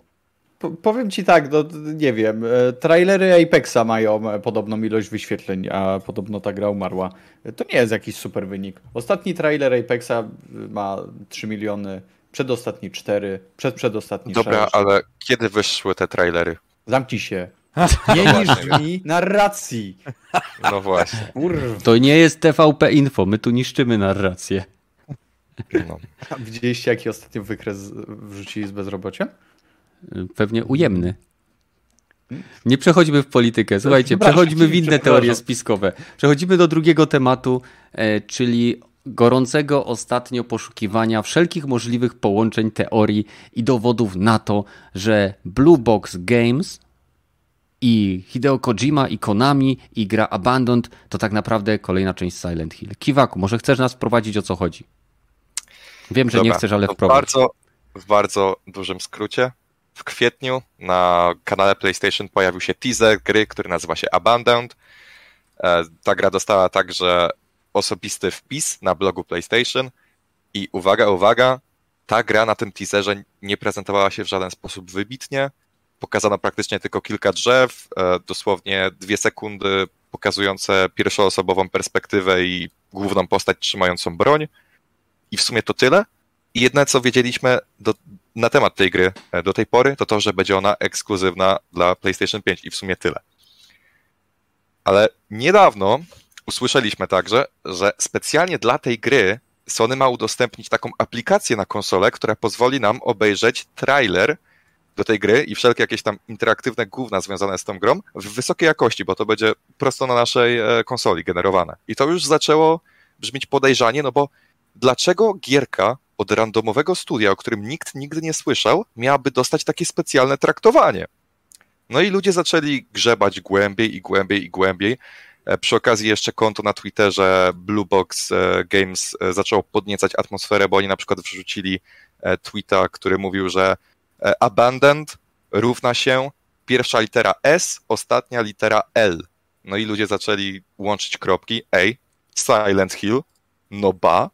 No Myślałem, i później... że survival, ale okej. Okay. No, to jest jedna z opcji, ale nie wytłumaczysz tego fanom Kojimy, który przy okazji promowania Metal Gear Solid 5 założył już kiedyś fałszywe studio, aby strollować swoich fanów, że The Phantom Pain to jest tak naprawdę niezależna mała gierka, która wcale nie jest nową odsłoną Metal Gear Solid. I ludzie zaczynają podejrzewać, że Abandoned jest właśnie kolejnym takim trolem Kojimy. czyli tak naprawdę nową odsłoną Silent Hilla, która jest po prostu prezentowana jako randomowa, mała gierka, która tak naprawdę nic nie znaczy i jest tworzona przez małe holenderskie studio, w ogóle nie powinniśmy się tym przejmować. Nie? No, to, tak. Mhm. Taki jest skrót, w dużym, dużym Chciałbym skrócie. też zaznaczyć, że jeżeli chcielibyście poznać wszystko, co do tej pory naszym e, Discordowym detektywom udało się znaleźć na temat tej gry, to mamy specjalny pokoik e, poświęcony Abandon. O proszę, kolejny wpis się tam pojawił, co ciekawego pisze. A, Rage przeklina, nic ciekawego. Ale wejdźcie, możecie zobaczyć, jak Rage przeklina. A wyżej macie e, dowody na to, że to wszystko się łączy i to wszystko ma sens. Myślicie, że to prawda? jest szansa. Ale co sądzisz? Czy ty jest, ciebie to, co do tej pory zostało znalezione w sieci, czy ciebie Kiwaku to przekonuje? Ujmę to tak. Ilość kropek, która jest połączona, sprawia, że nie chce mi się wierzyć, że to jest jakaś randomowa, nic nieznacząca gierka od małego holenderskiego studia, o którym nikt nigdy nie słyszał, a które do tej pory miało tylko jedną nieudaną e, zbiórkę na Kickstarterze, bo Sony by po prostu nie zawiązało współpracy z kimś takim i na pewno nie pozwoliłoby im robić taką agresywną kampanię marketingową w internecie. Więc na pewno jest coś innego niż nam się wydaje, ale czy jest to Silent Hill? Mhm. Nie wiem. Czy jest to nowa gierka Kojimy? Nie wiem, ale na pewno nie jest to jakiś randomowy indyk. Nie chce mi się w to wierzyć. Ale by było śmiesznie, jakby to właśnie było to, bo y, Kojima sobie postanowił zrobić bekę. Czyli co, ty, ty, ty w ogóle nie jesteś przekonany, że to nie jest nic. Nie no, ja, ja przepraszam, nie, to by było śmieszne. Ja wiecie, znam się na żarcie, to się wypowiadam na temat żartów, że to by mhm. było śmieszne. A a propos tego, co, co wy tutaj piszecie, ja do dzisiaj nie wiedziałem w ogóle o co chodzi z tym pokojem, który ma emoji y, shit w, w, na naszym Discordzie. Ja sobie myślę, no nie, pewnie jakaś gównogierka i i, i, I, dzięki w ogóle Kiwaku za, za wprowadzenie mnie w temat, że, że to może być coś fajnego. Także nie, nie, ja tutaj się absolutnie nie wypowiem. E, przynajmniej to, co powiedział tutaj Kiwaku, e, to brzmi bardzo sensownie i, no i faktycznie nie chcę, nie chcę być inaczej, ale nie wiem. Mhm. Kiwaku, słuchajcie. Rogaty, nie, nie chcesz dorzucić trzy grosze? Jeżeli mam być szczery, to tak raczej nie wierzę, żeby to była gra Kojimy. Mhm jeżeli nawet to jest gra Kojimy jakaś ukryta, to już za dużo razy robił ten sam przekręt, to taka zdarta płyta już troszeczkę dla mnie no by właśnie. Była. W sensie... W sensie... Tak, ale nie do końca. Przy, nie wiem, Metal Gearze dwójce, chyba Metal Gearze trójce, Metal Gearze piątce, Phantom Pain, Dead Stranding też były jakieś tam e, nie. poszukiwania się i szukania Nie, przy Death Stranding akurat nie ale przy, w trailerach były jakieś takie dodawanie e, dodatkowych messagesów albo naszyjnik znaczy coś ważnego i jakieś inne pierdoły, no takie trochę za często się za dużo by to robił. Jeżeli to by był Kojima i jeszcze raz to robił, tak jakby e, artysta jednej, jednej nuty, tak z tego by mhm. dla mnie by się kojarzył, ale bardziej prawdopodobne mi się wydaje, że hej, Sony za drzwiami pokaza udało komuś się z tego teamu, hej, mamy świetny pomysł, mamy jego plan i sprzedaliśmy wam tą grę. Sony już kiedyś coś takiego robiło, że na podstawie trailera kupowaliśmy e, e, tak jakby grę na ekskluzywa i promowaliśmy ją w chuj, mimo że nawet nie wiedzieliśmy, co to za gra. Wiesz, wiesz o czym mówię. Ale ta gierka ma wyjść już w tym roku. W sensie na końcu trailera, teasera, w sensie jest napis e, czwarty kwartał 2021. Z kolei na początku tego trailera jest, um, jest napisane gra na wczesnym etapie produkcji, więc to jest jedna z wskazówek dotyczących tego, że po prostu teaser sam w sobie przeczy. Ta, ta, ta, Ewentualnie to... to będzie żywot białego tygrysa. No, Żyjemy... plus jest jeszcze jedna kwestia, w sensie studio na swoim Twitterze poinformowało, że wszystko, co zobaczyliśmy na teaserze, nie ma nic wspólnego z pełnoprawnym produktem. W sensie Ale mówią prawdę czy kłamią? Nie. Tak. Okej, okay, tak, nie jestem... Jest, dobra, ale idąc e, e, tym, co się stało pomiędzy Kojimą a mm, jego firmą, która go zatrudniła, Konami, tak? Mm, to, tak I oni tak. go zatrudniali. To, to, co się stało pomiędzy nim a Konami, to chyba nie wróży tego, że okej, okay, dogadaliśmy się, przepraszamy, wracaj do nas, a ewentualnie nawet dogadaliśmy się, sprzedamy ci markę, ewentualnie Sony będzie robiło tą markę i ty będziesz im pomagał. Może jako tam trzecia osoba w tytule będzie, że pomagało przy tym, a w praktyce, dobra, mm, ja mam swój pomysł, albo stworzone przy, przy współpracy z Kojimą, to, to może bym w to uwierzył, ale że to będzie pełnoprawna gra, y, gdzie obydwie, właściwie trzy firmy się dogadały, bo jak nie patrzą, Kojima jest praktycznie firmą. Y, y, w tej chwili jego firma robi grę, nie wiadomo, oprócz tego dodatku bezsensownego Direct Cata do Death Stranding, to też robią podobno jakąś inną grę. Sorry, ale jak ktoś sam robi, jest dyrektorem głównym wykonawczym i ma 20 e, rzeczy przypisanych w, w, w, w napisach, że to on robił, a potem wydaje Direct Cut, to tutaj coś jest chyba nie tak. Nawet jeżeli wiesz, to miał być żart, to jest nieśmieszny. E, a wiesz, że czasem dla e, dobra całego produktu lepiej jest wyciąć pewne rzeczy? No, Oczywiście. To źle zabrzmiało. Źle, źle zabrzmiało. Mówisz o cyberpunku? Jest lepiej wyciąć pewne Ale e, nigdy prawie, japońskie firmy prawie nigdy się tak szybko nie dogadują. E, spina pomiędzy Sony a Nintendo jest po dziś dzień od czasów PS1. już 5 lat. 5 lat już minęło, odkąd go trzepnęli w tyłek? No. Znaczy, ja, ja powiem tak, ja uważam, że kasa nie śmierdzi, Zwłaszcza Konami kasa nie śmierdzi. E, jeżeli e, czekaj, sytuacja jest taka, czekaj, że. Nie, no słuchajcie, jeżeli sytuacja jest taka, że Sony poszło do Konami i mówią, słuchajcie, my finansujemy tą grę, wy dostajecie, załóżmy, nie wiem, 30% y, zysku, 40%, nie wiem, coś im tam posmarowali masełkiem jakimś dobrym chlebem. A robi to Kojima Production? E, nie, no to my to okay. robimy i to jest w naszej gestii, kto to robi. A, mm, okay. Many, many, nie? I oni, oni za nic tylko, wy nam wynajm, udostępniacie licencję na stworzenie jednego tytułu. Nie? Jednego załóżmy, tak się dogali, jednego tytułu. Ale, come on, ale popatrz to, jak, jak to by z punktu widzenia Kojimy wyglądało. Kuźwa, odeszłem z firmy, która mnie wyrzuciła, nie, nie pozwoliła mi dokończyć mojego e, najlepszego dzieła, mojego dziecka, opus magnus, takiego naprawdę najważniejszego, jakiego robiłem, czyli Death Stranding 5, finiszu e, całej historii, która miała zakończyć i za, zakleszczyć wszystkie wątki i, mhm. i, i nie pozwolili mi tego dokończyć. A okej, okay, dobra, spoko, teraz po pięciu latach przeszło mi, możemy, robię następny tytuł. Tylko, że widzisz, y, Kojima chciał zrobić horror, i oni mu go nie pozwolili zrobić, bo go mhm. wywalili. A e, Dokładnie. Metal Gear Solidów Kojima już nie chciał robić od drugiej części. No właśnie, nie chciał robić, a jeszcze robił. No bo miał kontrakt. Kontrakt Powiedz... kontraktem zawsze możesz go nie tyle co złamać, ale zawsze możesz odejść z firmy, w której No to zależy, jeżeli tak miał, To jest tak jak masz aktora, który ma w kontrakcie podpisane, że na przykład e, jak, nie wiem, Jason Momoa, że ma podpisany kontrakt na, nie wiem, cztery firmy Aquaman.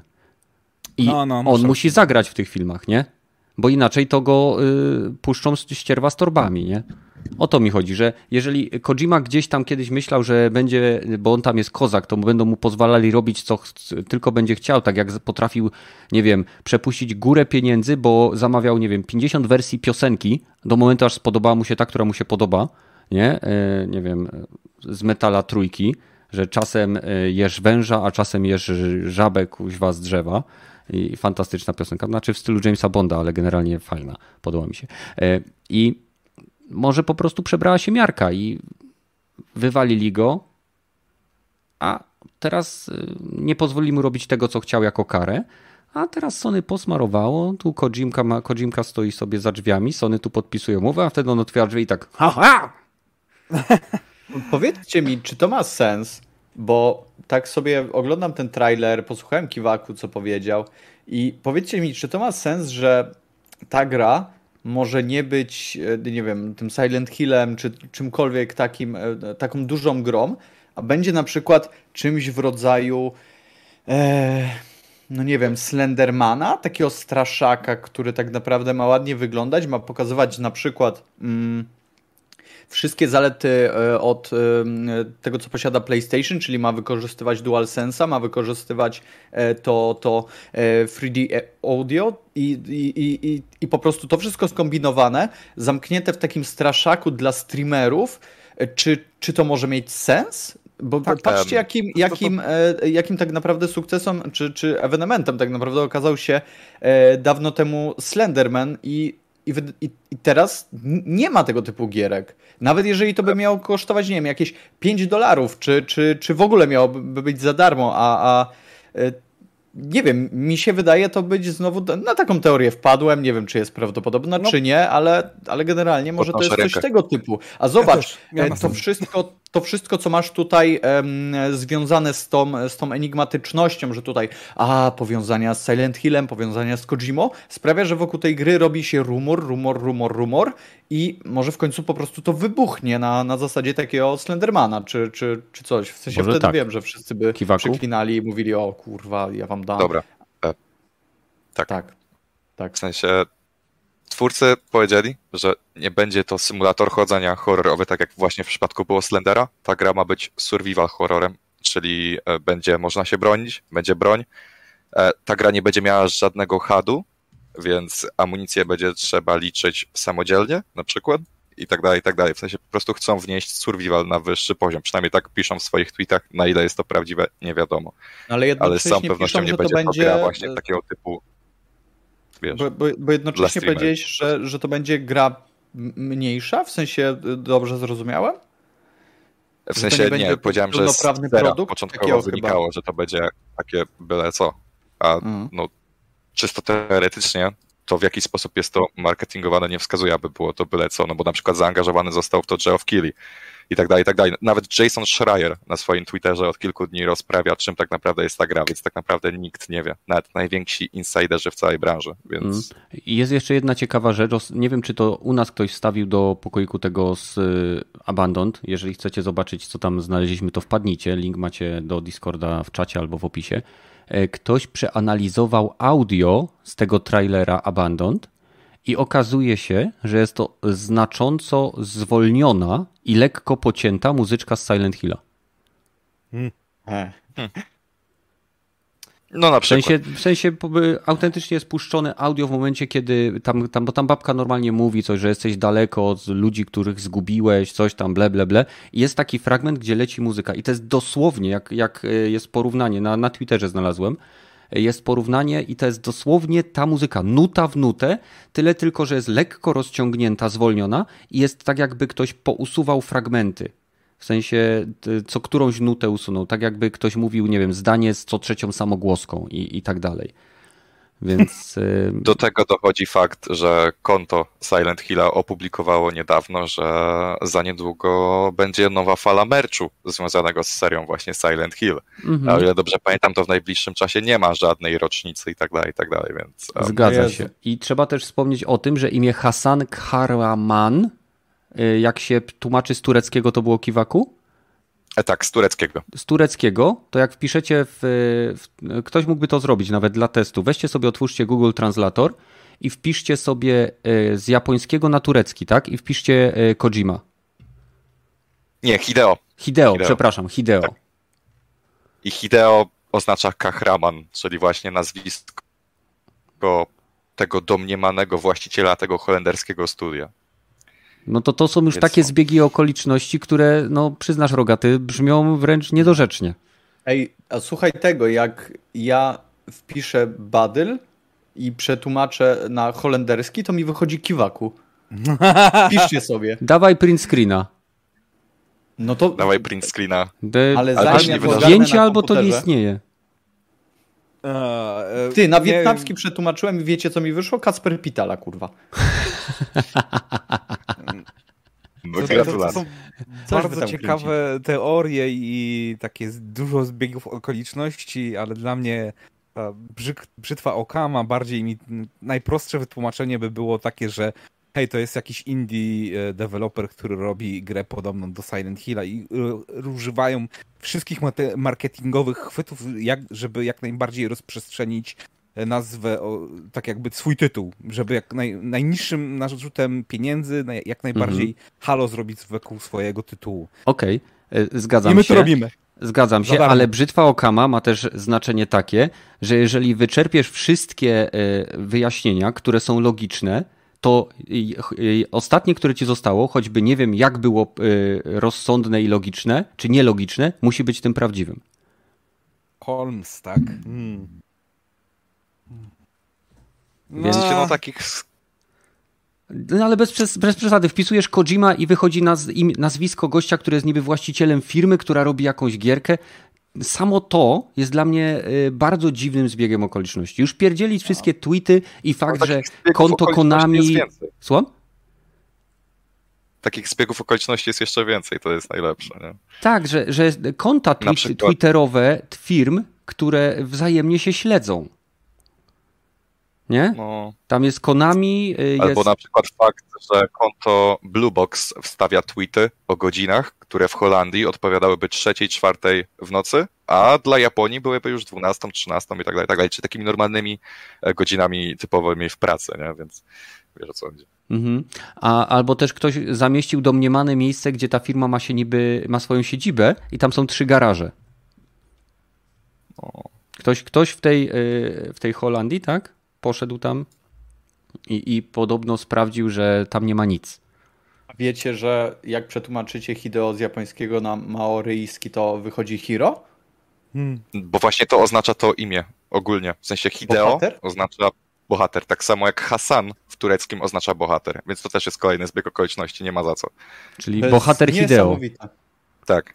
Nie no, Hideo oznacza bohater, po prostu bohater Kojima albo bohater Kahraman. A, Czyli, no tak, no bo, jak e, e, i pierwszy prezydent amerykański czarny miał na drugie imię. Barack E. Osama Bill... E, tak? Czy jakoś tak? no, To też zbieg okoliczności był, nie? No to, to wszyscy się dom- domyślali, że to on jest jakimś antychrystem też, nie? To zaczynamy trochę e, dopisywać teorię do, do swojej wizji, tak Ale jak to jest e, cała- to jest Ale najfajniejsze w tej zabawie. True, true? Ale nie, nie, żeby tak trzeba trzymać się ziemi, żeby nie owo... No jak było z poprzednim e, Silent Hillem. Uuu, e, końcówka e, PT, który był jednym korytarzem, jaki to overhype był niesamowity.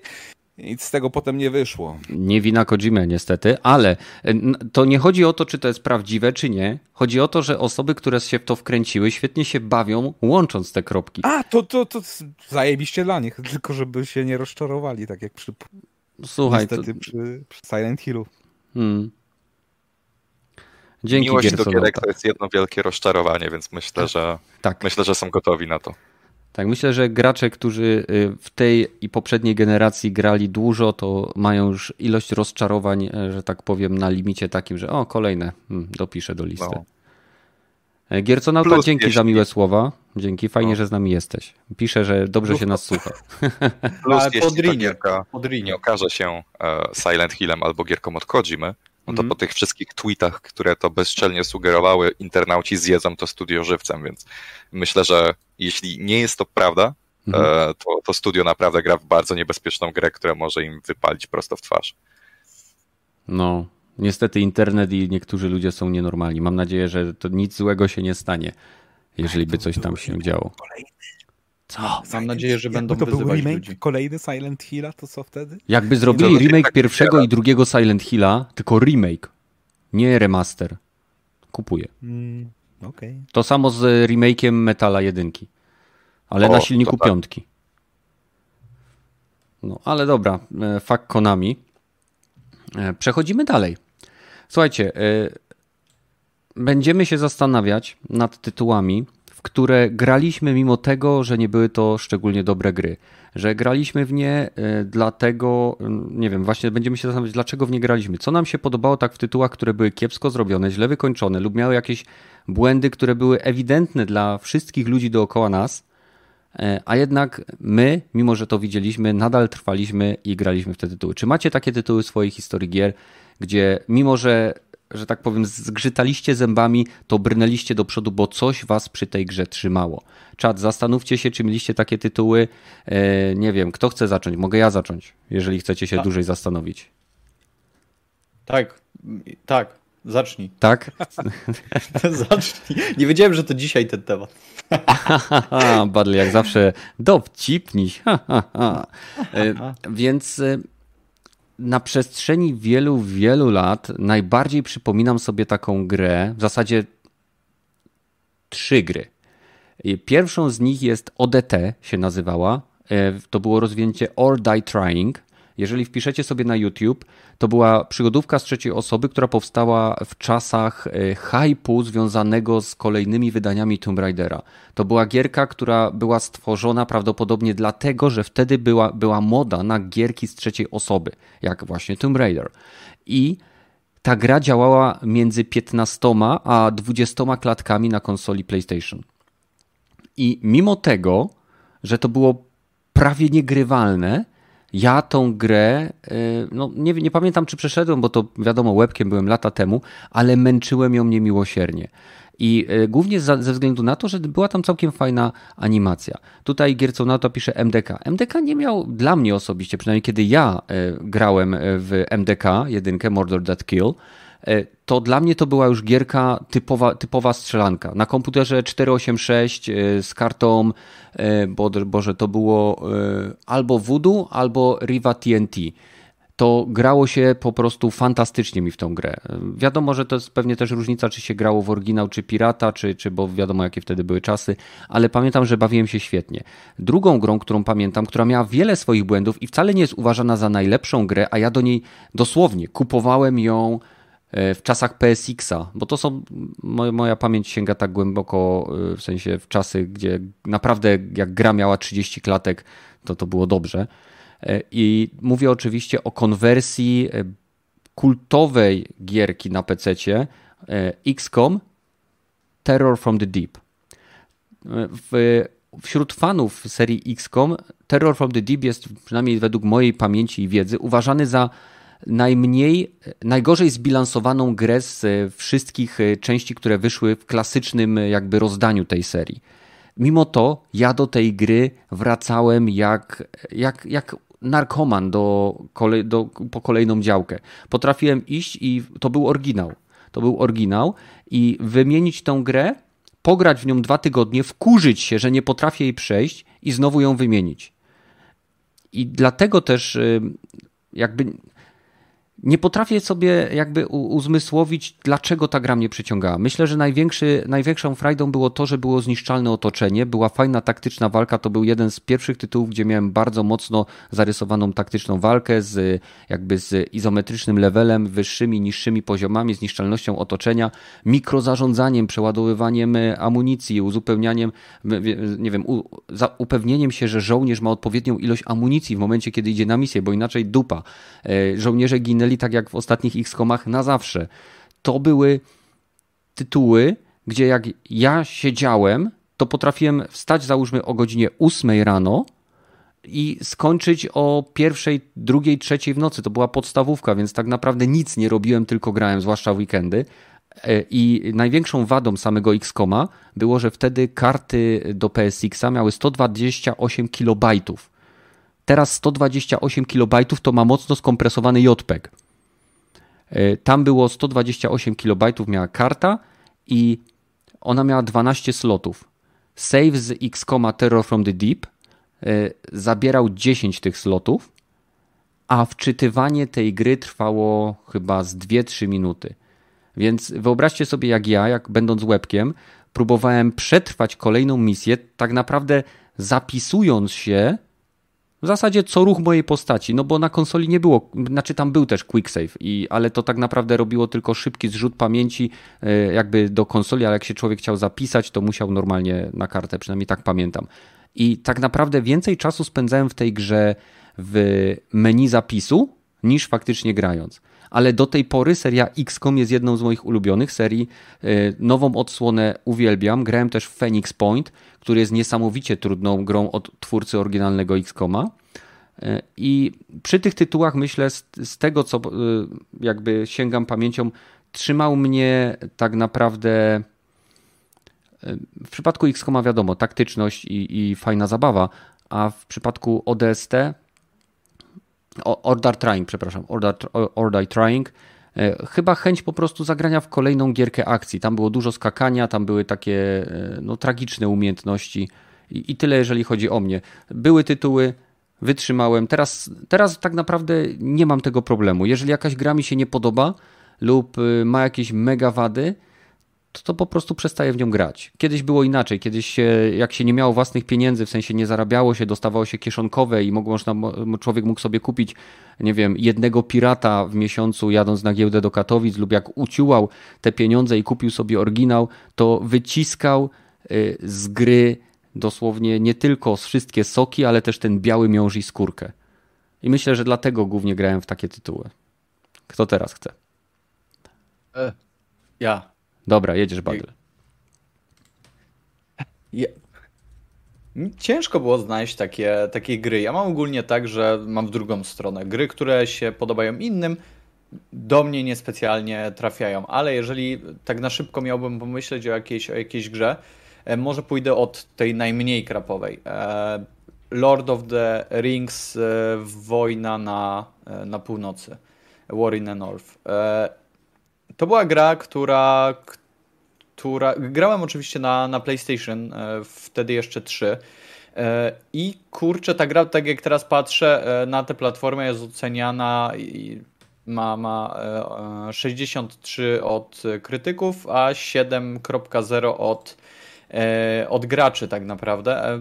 Więc to nie jest jakiś, jakiś straszny krab. Niemniej ta gra miała bardzo dużo w sobie takiego, mało miała z, mm, z Władcy Pierścieni, była taka, taka nijaka, te postacie były średnio naszkicowane, tam mieliśmy możliwość wyboru krasnoluda, e, elfa, e, maga i chyba jeszcze jakiegoś, e, jakiegoś tam mm, wojownika. Chyba cztery, cztery, cztery klasy były.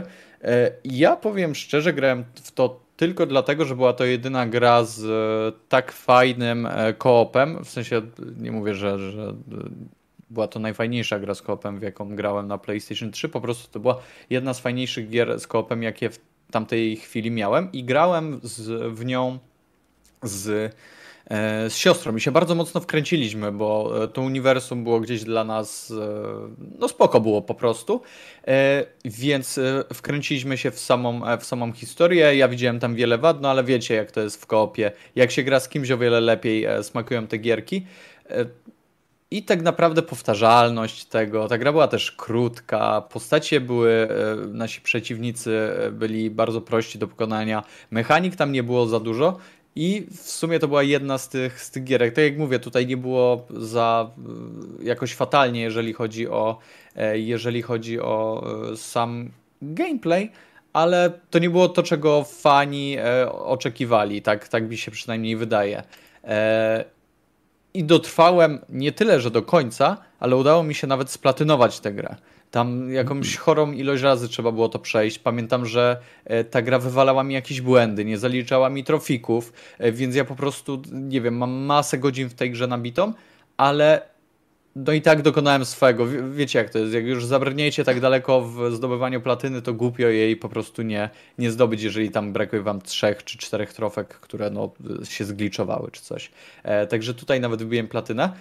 Kolejna gra, e, Dragon Age 2. E, I tutaj od, krytycy powiedzieli, że ta gra nie była, e, nie była taka zła, bo ma 82 punkty na, na Metacriticu, ale znowu od graczy ma 4,4. I to zgadzam się z tą oceną e, graczy, w sensie wiem czym to jest spowodowane. Ta gra była totalnym odejściem od tego, co widzieliśmy w Dragon Age'u pierwszym.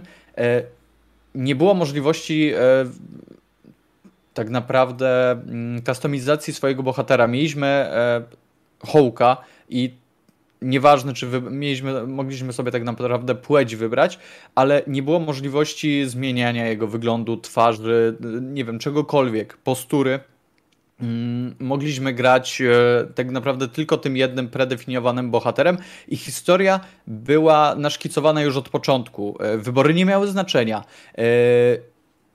Taki, taki, mm, taka recykling lokacji, e, jak to się po polsku brzydko mówi, e, był tam tak naprawdę na każdym kroku. E, w jednym miejscu wchodziłeś do, do jakiegoś pomieszczenia, do jakiejś karczmy, wchodzisz później znowu do, do jakiegoś pomieszczenia. To jest, ta sam, to jest ta sama miejscówka z inaczej rozmieszczonymi przeciwnikami, bez tam, nie wiem, elementów tej, tej karczmy wszystko było tak jakby posklejane, to było zupełne odejście od, od tej historii, e, którą mieliśmy w poprzedniej e, części, było to nawiązanie do jakiejś postaci tylko.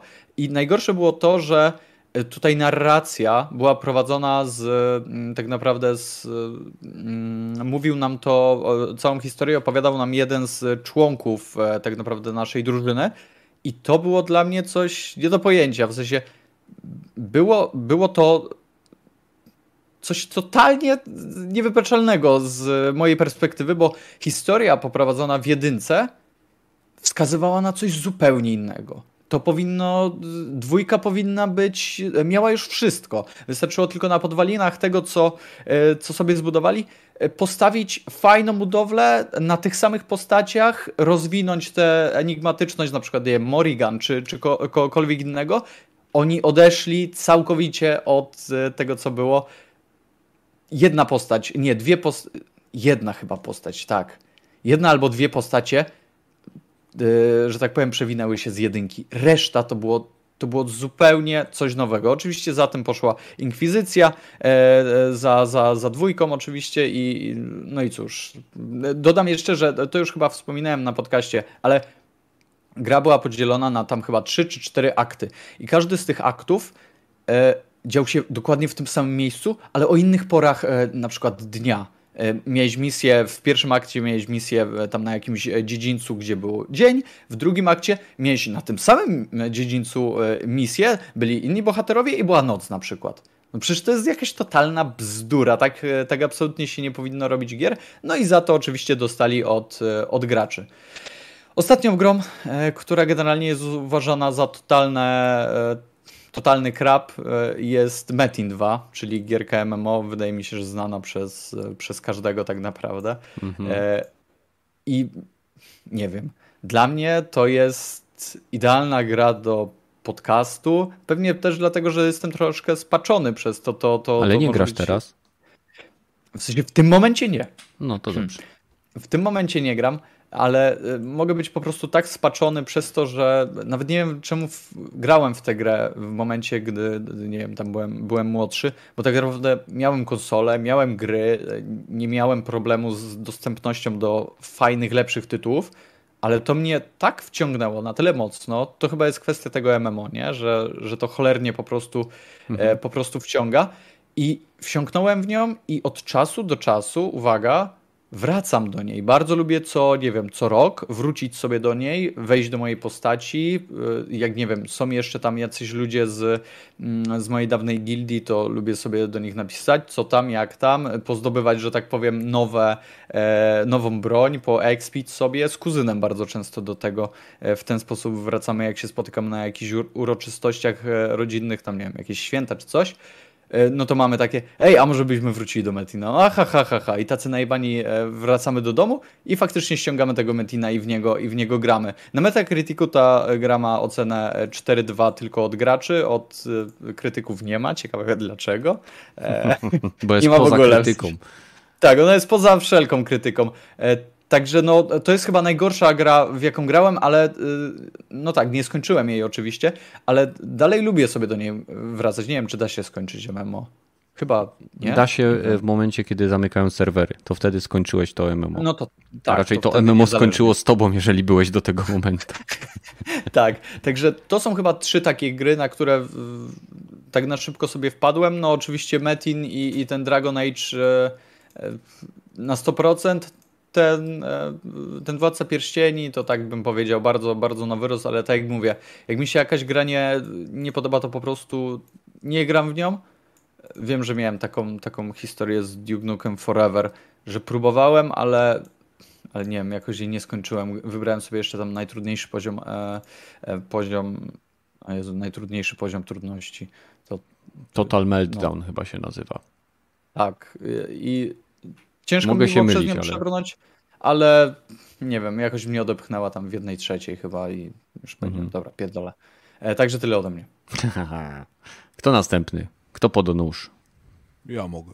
Rogaty, jedziesz. W jaki shity grałeś, a mimo to grałeś? A, może nie shit, ale jakoś nie do, do końca wiem, dlaczego tą grę tak dużo grałem. To Fallout 4. O, e, hmm. O, o ile skończyłem podstawkę i chyba dwa albo trzy, chyba były trzy dodatki, to dwa na pewno skończyłem. E, o tyle wszystko w tej grze, jak w porównaniu po, prostu do poprzednich części, może za bardzo sam sobie zahypowałem tą grę do, do, do granic możliwości. Myślałem, że będzie bardziej rozbudowane, bardziej e, będzie można elementy RPG, większy, więcej konsekwencji, więcej takiego świata falloutowego, no to wszystkie te rzeczy tak bardzo szybko zderzyłem się z tym, że no nie, no, twoje, twoje czyny nie mają za dużo tych konsekwencji. Tak, tak, masz jakieś tam punkt moment w grze, że zakończenia będziesz miał inne, ale w sumie to cokolwiek robisz, to tak e, wszystko składa się, no, tych czterech odpowiedzi dialogowych, które miałeś i większość z nich e, brzmiało dokładnie tak samo. Tak, nie, e, może albo odwal się. I, I, zazwyczaj, czy powiedziałeś, czy tak, czy nie, to i tak robiłeś tą misję, ewentualnie tego questa w bardzo podobny sposób.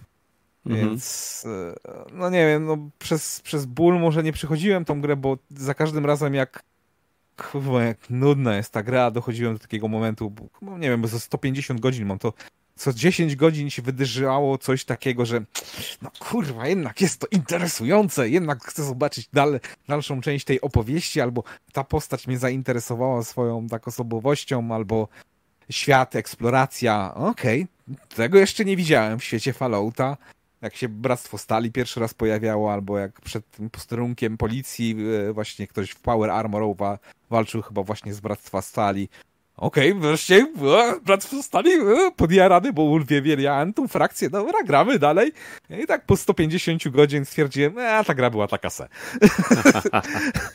no to właśnie taka, taka jedna gierka, nie? Druga gierka to taka była japońska gierka Binary Dominion, chyba w 2012 Binary Domain. Wyszła.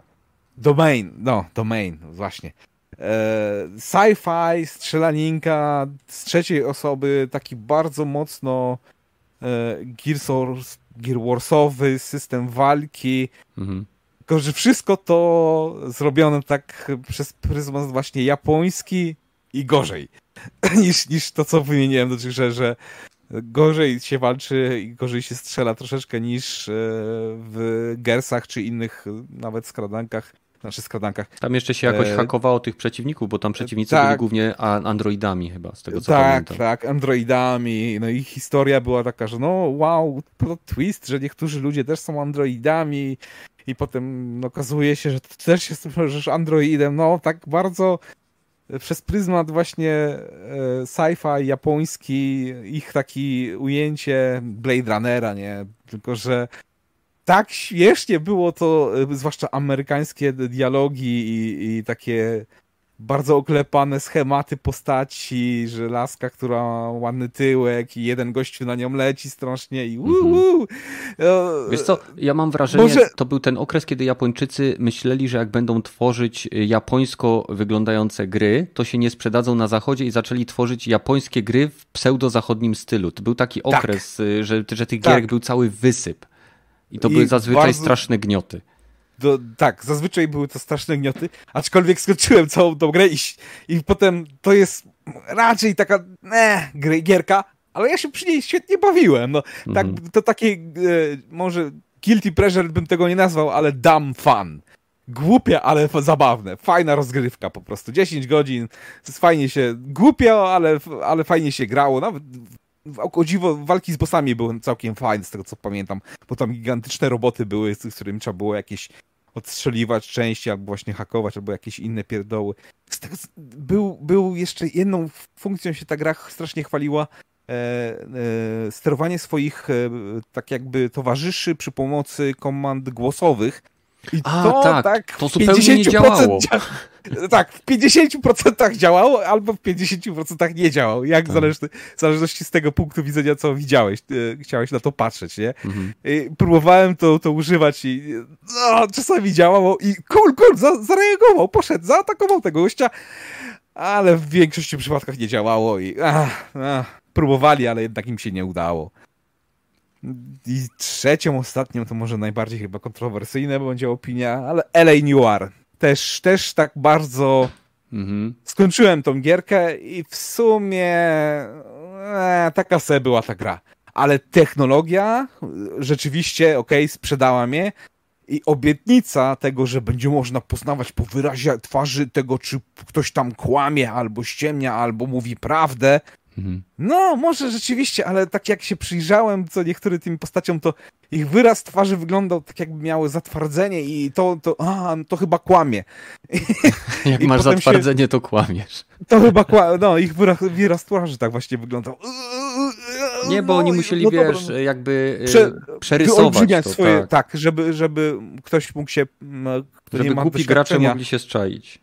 Tak, y, doświadczenia w przesłuchaniach, no dla, dla ludzi, ja nie znam się co prawda na przesłuchaniach, ale nawet dla mnie to wyglądało trochę przerysowane. Mhm. Aczkolwiek gra osadzona właśnie w tym klimacie, w tych latach amerykańskich i nawet historia była dosyć ciekawa, że nie że, że te nawet główny bohater nie był takim jakimś y, boy scoutem, takim perfekcyjnym bohaterem, że miał na sumieniu dużo rzeczy i robił też takie, które były może nie w obecnych czasach postrzegane jako złe, ale w tamtych czasach uuu, zdyskredytowaliśmy twoją w ogóle całą tożsamość, bo e, puszczałeś się albo zdradzałeś swoją żonę albo coś w tym stylu.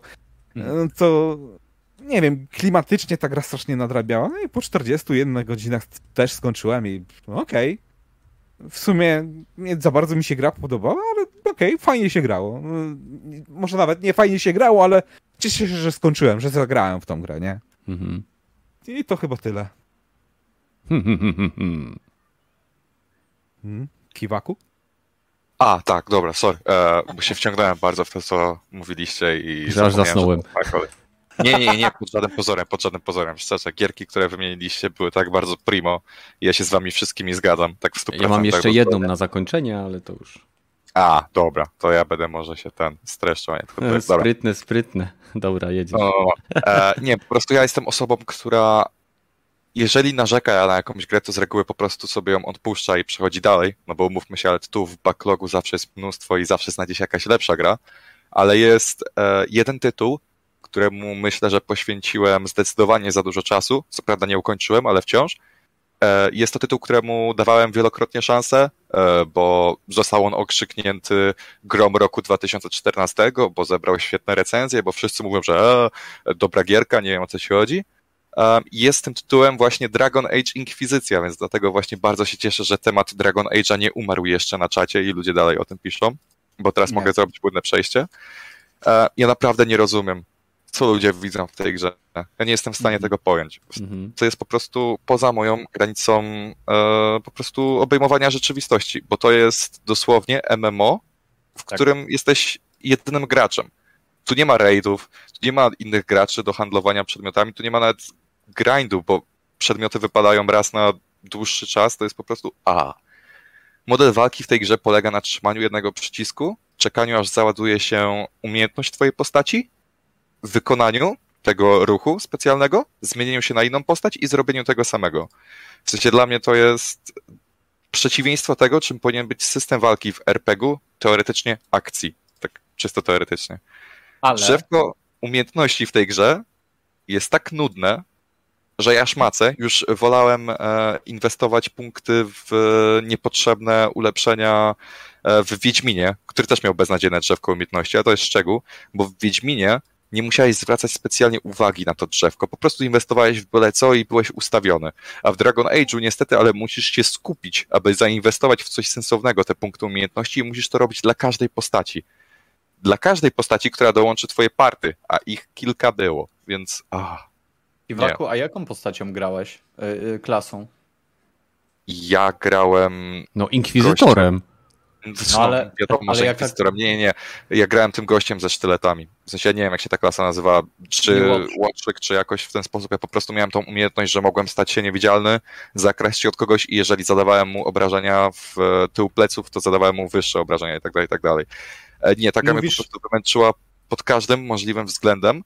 E, doprowadziła mnie dosłownie na samo dno i ja w niej spędziłem, nie wiem, z 20, 25, 30 godzin, nie wiem, nie chcę wiedzieć ja ją chciałem wyczyścić, bo ja mam niestety manię czyszczenia mapek, e, którą mam e, przez gry Ubisoftu i Sony i się po prostu nie da, bo tych znaczników jest za dużo. Na każdy jeden wyrasta kolejne pięć, jak w przypadku pieprzonych głów e, e, hydry, czy Cerbera, kogokolwiek. Nie. Mhm. No bo Chyba, Cerber i jest Hydra, Hydra ma kilka głów, więc zębów ma od jest cholery. dla mnie przeciwieństwem słowa zabawa. Aha. I oj, dokładnie. Ja po prostu nie wiem, nie rozumiem, jak komuś granie w Inkwizycję może sprawiać przyjemność, a jestem osobą, która spędziła w niej zdecydowanie za dużo czasu i nawet kupiła dodatki, licząc, że a, może kiedyś uda mi się to przejść. Nie da się. A Tej to, gry się nie da przejść. to To jest dla mnie sobie, że, niewykonalne. że głównym złym w, Inkwi- w Inkwizycji jest chyba postać, która była w DLC e, do dwójki, więc totalnie to jest w ogóle jakieś nieporozumienie. A, super. Ale, Super. bo ty grałeś e, łotrzykiem. Wyobraź sobie, że jest, jak, jakbyś wybrał sobie maga, to tamta gra sprowadza się tak całkowicie, całkowicie do klikania jednego przycisku. W żaden praktycznie sposób nie wpływasz na, na twoją drużynę, nie, nie możesz leczyć. To jest chyba ta część, w której nie możesz healować swoich sojuszników, gdzie w poprzednich częściach miałeś takie możliwości. Tutaj nie możesz leczyć swoich Em. sojuszników, bo tak.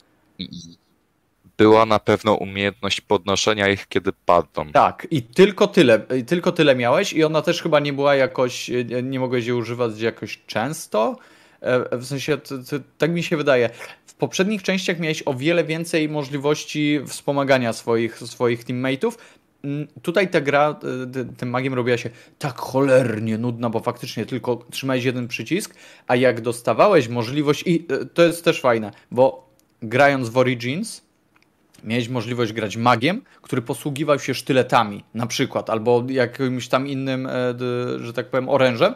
Mogłeś wybrać, czy grasz z laską, czy grasz z, mm, z, bronią, e, z bronią białą. Tutaj nie mogłeś tego zrobić, bo powody i jedyne sensowne, że tak powiem, y, dodanie dynamiki grze magiem mogło być spowodowane tym, ja to w internecie nawet to sprawdzałem, po wyborze e, specjalnej ścieżki Inkwizytora, gdzie dostawałeś możliwość zaatakowania po napełnieniu tam jakiegoś paska, ataku mieczem, który jakkolwiek dawał fajny feedback e, w walce, bo w przeciwnym razie to było, to było cholernie, cholernie nieprzyjemne doświadczenie.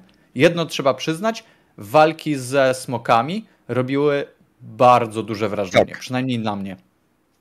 Tak, dobra. Walki ze smokami są spoko, ale tych walk po pierwsze nie ma wystarczająco dużo, Nie ma. a po drugie każda inna walka nie robi praktycznie żadnego wrażenia. W sensie to jest Tak, według mnie jeden właśnie z problemów w tej grze, że nie dość, że sam system walki jest nudny, to jeszcze nie wygląda on jakoś zjawiskowo, nie? Bo Tak, w Final tak, tak. Fantasy XV, mimo że system walki też opiera się na trzymaniu jednego przycisku i Noctis robi praktycznie wszystko za ciebie, e, to tam to chociaż jakoś, e, wiesz, ciekawie wyglądało, nie? Że przynajmniej było takie eye candy, miałeś na co zawiesić oko. A w Inkwizycji nawet tego nie ma. Mhm. To jest dla mnie kompletnie, kompletne zabójstwo tej gry. E, No więc tak, Prawda. tyle o Dragon Age'u, a drugą grą, którą lubię, ale ma ona naprawdę jeden bardzo, ale to bardzo kiepski chapter, e, to jest Dead Island. I mówię oczywiście o chapterze w dżungli, jest to chyba trzeci akt, jeśli dobrze pamiętam, i on trwa 10 godzin. I to jest Ale- najgorsze 10 godzin, jakie spędziłem w grze w ostatnim czasie, Uff, bo e, tam z miesiąc chciało. temu chyba przechodziłem podobnie Dead Island. I matko bosko, rozstrzał jakości pomiędzy pierwszoma, pierwszymi e, 20 godzinami, czyli pierwszymi dwoma lokacjami, a właśnie tą ostatnią jedną trzecią gry, to jest nieba a ziemia. W sensie dżungla nie ma nic, co sprawia, że Dead Island jest ciekawe. Nie ma analogowego systemu walki, bo większość pojedynków odbyła się przez e, wymianę ognia, e, w sensie strzelanie do siebie, strzelaniny. A model strzelania w tej grze jest, no umówmy się, ale no do bani. To E, jest straszne. nie ma jakiegoś ciekawego modelu poruszania się po mieście, mimo że w Dead Island wiadomo, to nie jest Dying Light pod żadnym pozorem, ale na przykład w mieście trzeba było od czasu do czasu wejść na dach, żeby ukryć się przed zombiakami i tak dalej, i tak dalej. W dżungli tego nie ma. Jeśli w dżungli nie jeździsz tylko i wyłącznie samochodem z punktu A do punktu B, to jesteś kompletnym frajerem, bo nie ma w dżungli dosłownie nic, co by miało cię zainteresować do takiego stopnia, żebyś tam biegał pieszo. Hmm. Więc No. tak po prostu jeździsz z misji do misji, strzelasz do przeciwników i tak przez 10 godzin. Dla mnie Dead. Island bardzo mocno traci w momencie, gdy wychodzisz z tej e, plaży. E, W To jest sensie fakt. To to, jest, tam jest pik a później jest tylko spadek. Tak. E, Jesteś Tak. w tym mieście, e, najpierw kanały, tak? No to jest w ogóle... kanały są tak w środku, plus minus. Okej, ale e, w ogóle etapy z kanałami to, nie wiem, powinni za to palić na stosie. Miasto No. I ta dżungla na sam koniec to jest naprawdę takie, takie odarcie e, tej gry ze swojej tożsamości. Bzdura totalna, nie wiem kto na to wpadł. Pewnie ten sam od kanałów. No. W sensie. Mi miasto się jeszcze podobało. Nawet szczerze, nawet sekcja w kanałach według mnie nie była zła. Jak Mhm. na standardy sekcji kanałów w grach. Ale Okej. dżungla to już jest. To jest przegięcie pały. W sensie. Nigdy nie widziałem tak złego fragmentu w, dobrej grze, w dobrej grze. Mhm, No dobra. prawda. Okej, m, zastanówcie się, czy macie jakieś tematy nieplanowane. A ja chciałem jeszcze na koniec powiedzieć o jednej grze, w którą grałem, mimo to, że miała ogromne problemy y, nie tylko sam, z samą sobą, ale także z silnikiem, z, z, z, z jakością jej funkcjonowania na konsolach. Na PC było lepiej, jeżeli się miało dobrego PC-ta. Mówię o takiej gierce, która przeciągnęła mnie przez siebie poczuciem humoru, świetnym e, designem e, pętli gameplayowej, która łączyła w sobie zarówno strzelankę, jak i strategię. E, Mówię o grze Giant Citizen Kabuto. I To, słucham? co ty tam chcesz złego na tę grę powiedzieć? Ja cię za chwilę wyjaśnię. No, no. Na konsolach ta gra miała średnio 15-20 klatek. E, Nie mówię już o tym, że wersja, którą można było kupić u nas w Polsce, była wersją cenzurowaną na rynek niemiecki, więc syreny miały na cyckach staniki. E, O. Nie będę mówił o tym, że gra potrafiła e, mieć bugi, które uniemożliwiały dokończenie misji, głównie tych misji, które składały się z budowania i roz... tych strategicznych, czyli gdzie mieliśmy widok z góry i zarządzaliśmy, tam chyba były jakieś osady, ja już tego nie pamiętam, ale humor, postacie, ja tam płakałem ze śmiechu, bo postacie tych takich e, karykaturalnych e, istot, które wyglądały jak e, trochę super deformed e, z, z Master Chiefy, były po prostu no niesamowite. Ja, ja grałem w tą grę i grałem w nią po to, żeby usłyszeć kolejny dowcip tych, tych pseudo-żołnierzy, którzy próbowali, sobie poradzić. I jedna rzecz, z którą mi się to naprawdę mocno kojarzy, to mi się to kojarzy z Red vs. Blue. Jeżeli ktoś kojarzy ten serial, no to y, Giant Citizen Kabuto, te postacie, które tam są, poziom humoru, który tam jest, to jest mniej więcej to, co można zobaczyć w pierwszych trzech czy czterech sezonach Red vs. Blue. I, i nadal bardzo dobrze wspominam Giant Citizen Kabuto, bo grałem na konsoli, tam nie skończyłem, później grałem na PC, tam udało mi się skończyć ten tytuł. E, oczywiście z odpowiednią, e, odpowiednim modem dla syrenek ściągniętym.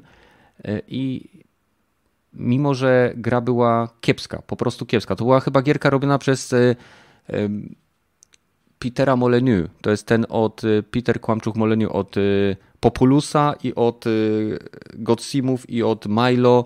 Generalnie gość, który e, Black and White też zrobił, więc e, to jest to gościu, który ma bardzo ciekawe pomysły na gry, ale często więcej obiecuje niż e, później ta gra dostarcza, jak w sumie trochę Kojima.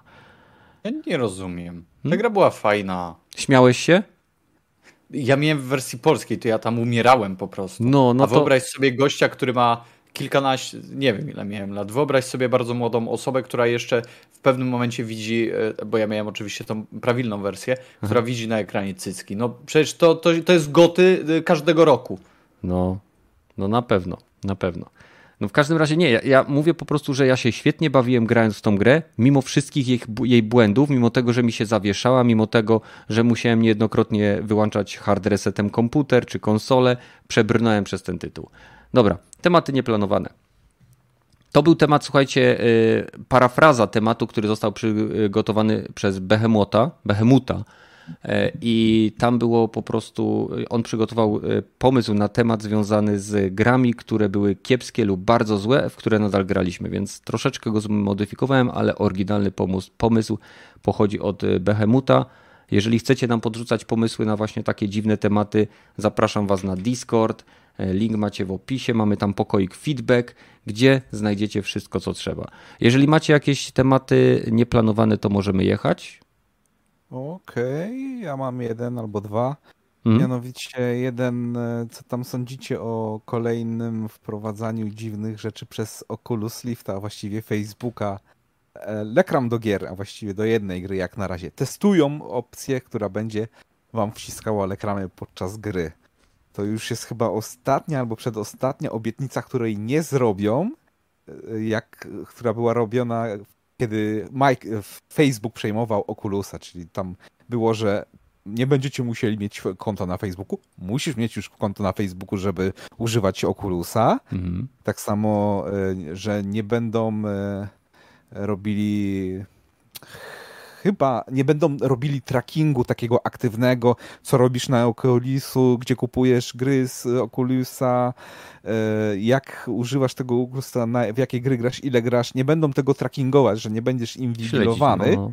Śledzenia takiego aktywnego nie będzie to już robią i teraz testują wrzucanie lekram do e, e, Oculusa, do gier z Oculusa i to też obiecywali, że tego nie będą robić. Jeszcze chyba jedną albo dwie rzeczy obiecywali, że nie będą robić, ale... Ale jakiego rodzaju to są reklamy? Że się pojawiają wewnątrz gry, czy ci się grasz sobie tak. i ci się przerwa na reklamę robi? Yy, pokazują się podczas gry, chyba przerwa na reklamę. Czekamy, będzie taka, taki to, ten będzie typu właśnie wow. Wow, wow, wow, wow. że Mam nadzieję, że nie. Teraz przerwa na lekramy. Umarłeś, mhm. oto teraz tak jak chyba rodem z komórki będzie to wyglądało, że y, zabrakło ci e, ten y, punktów, naciśnij, obejrzyj tą lekramę i będziesz mógł grać dalej, albo coś w tym stylu. Hmm. Jest takie... Niezły sposób to... na zabicie sprzętu.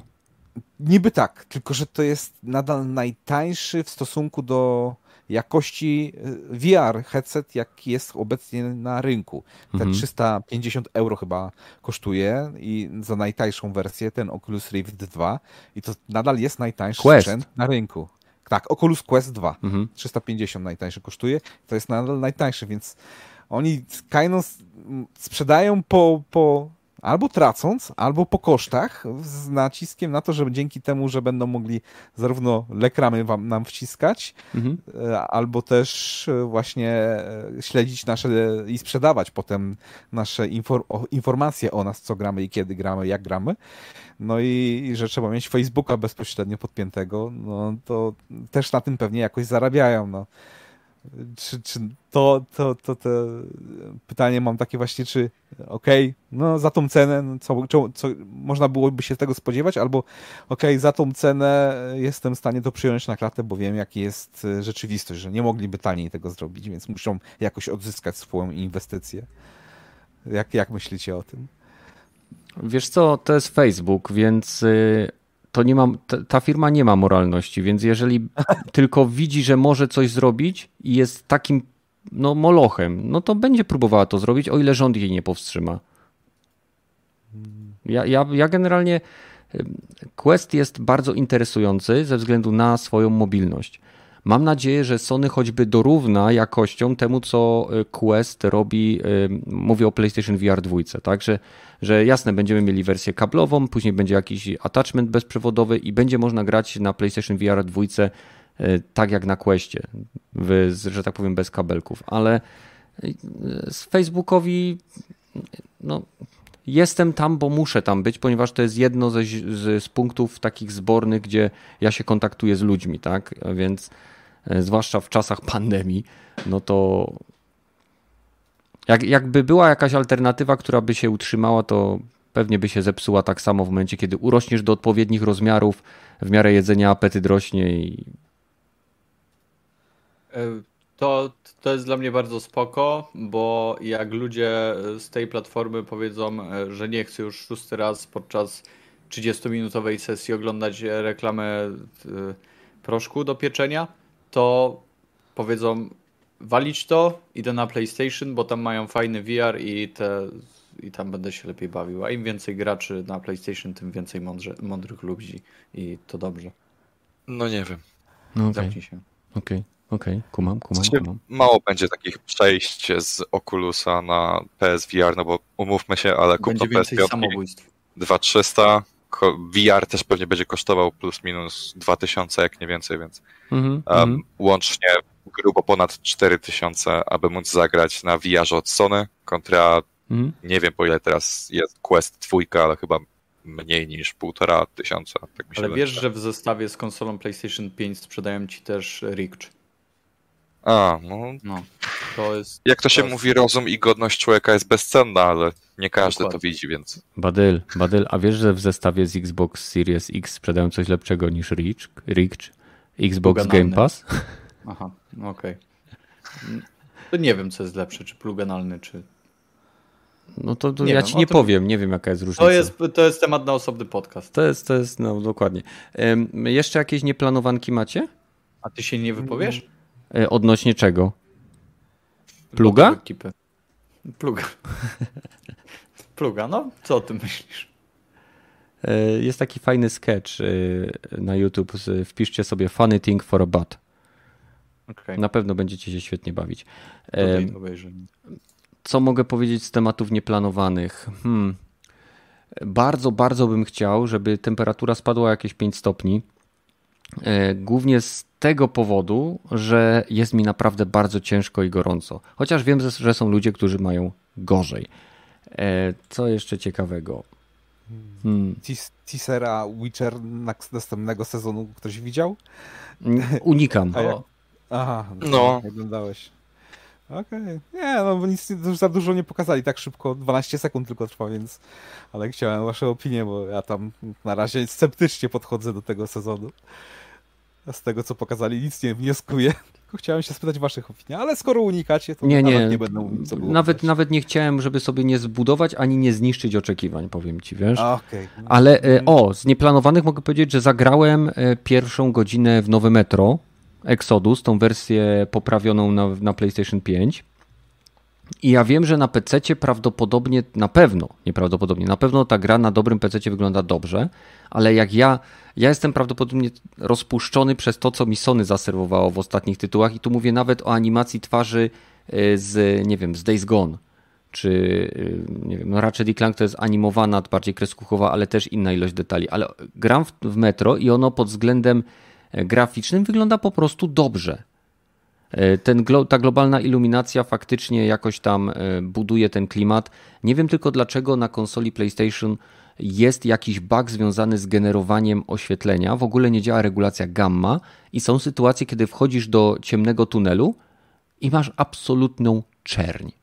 Nie ma Masz ten ray tracing w końcu, nie? Realizm chuj. Ale nie, nawet to nie chodzi o ray tracing, bo to też byłem ciekaw tego, a Digital Foundry dzisiaj chyba wypuściło, czy wczoraj, materiał odnośnie porównania PlayStation 5 z Xboxem i na piątce jest jakiś bug, który sprawia, że regulacja gamma nie działa. Jak macie te, w telewizorach te, ten, ten moment, kiedy ustaw, żeby na przykład obrazek po lewej był ledwo widoczny, to na konsoli z PlayStation 5 on jest zawsze niewidoczny. Niezależnie jak to przesuniesz. Czy na maksa, czy do zera, on jest niewidoczny. I wchodzisz w miejsce i poza źródłami światła i e, highlightami, wszystkie e, czernie, cienie są po prostu zmiażdżone totalnym e, takim atramentowym mrokiem, gdzie nie widzisz nic. A wystarczy, że się obrócisz w bok, żeby ta global, globalna iluminacja jakby odbiła się od tej powierzchni i ta powierzchnia nagle się pojawia.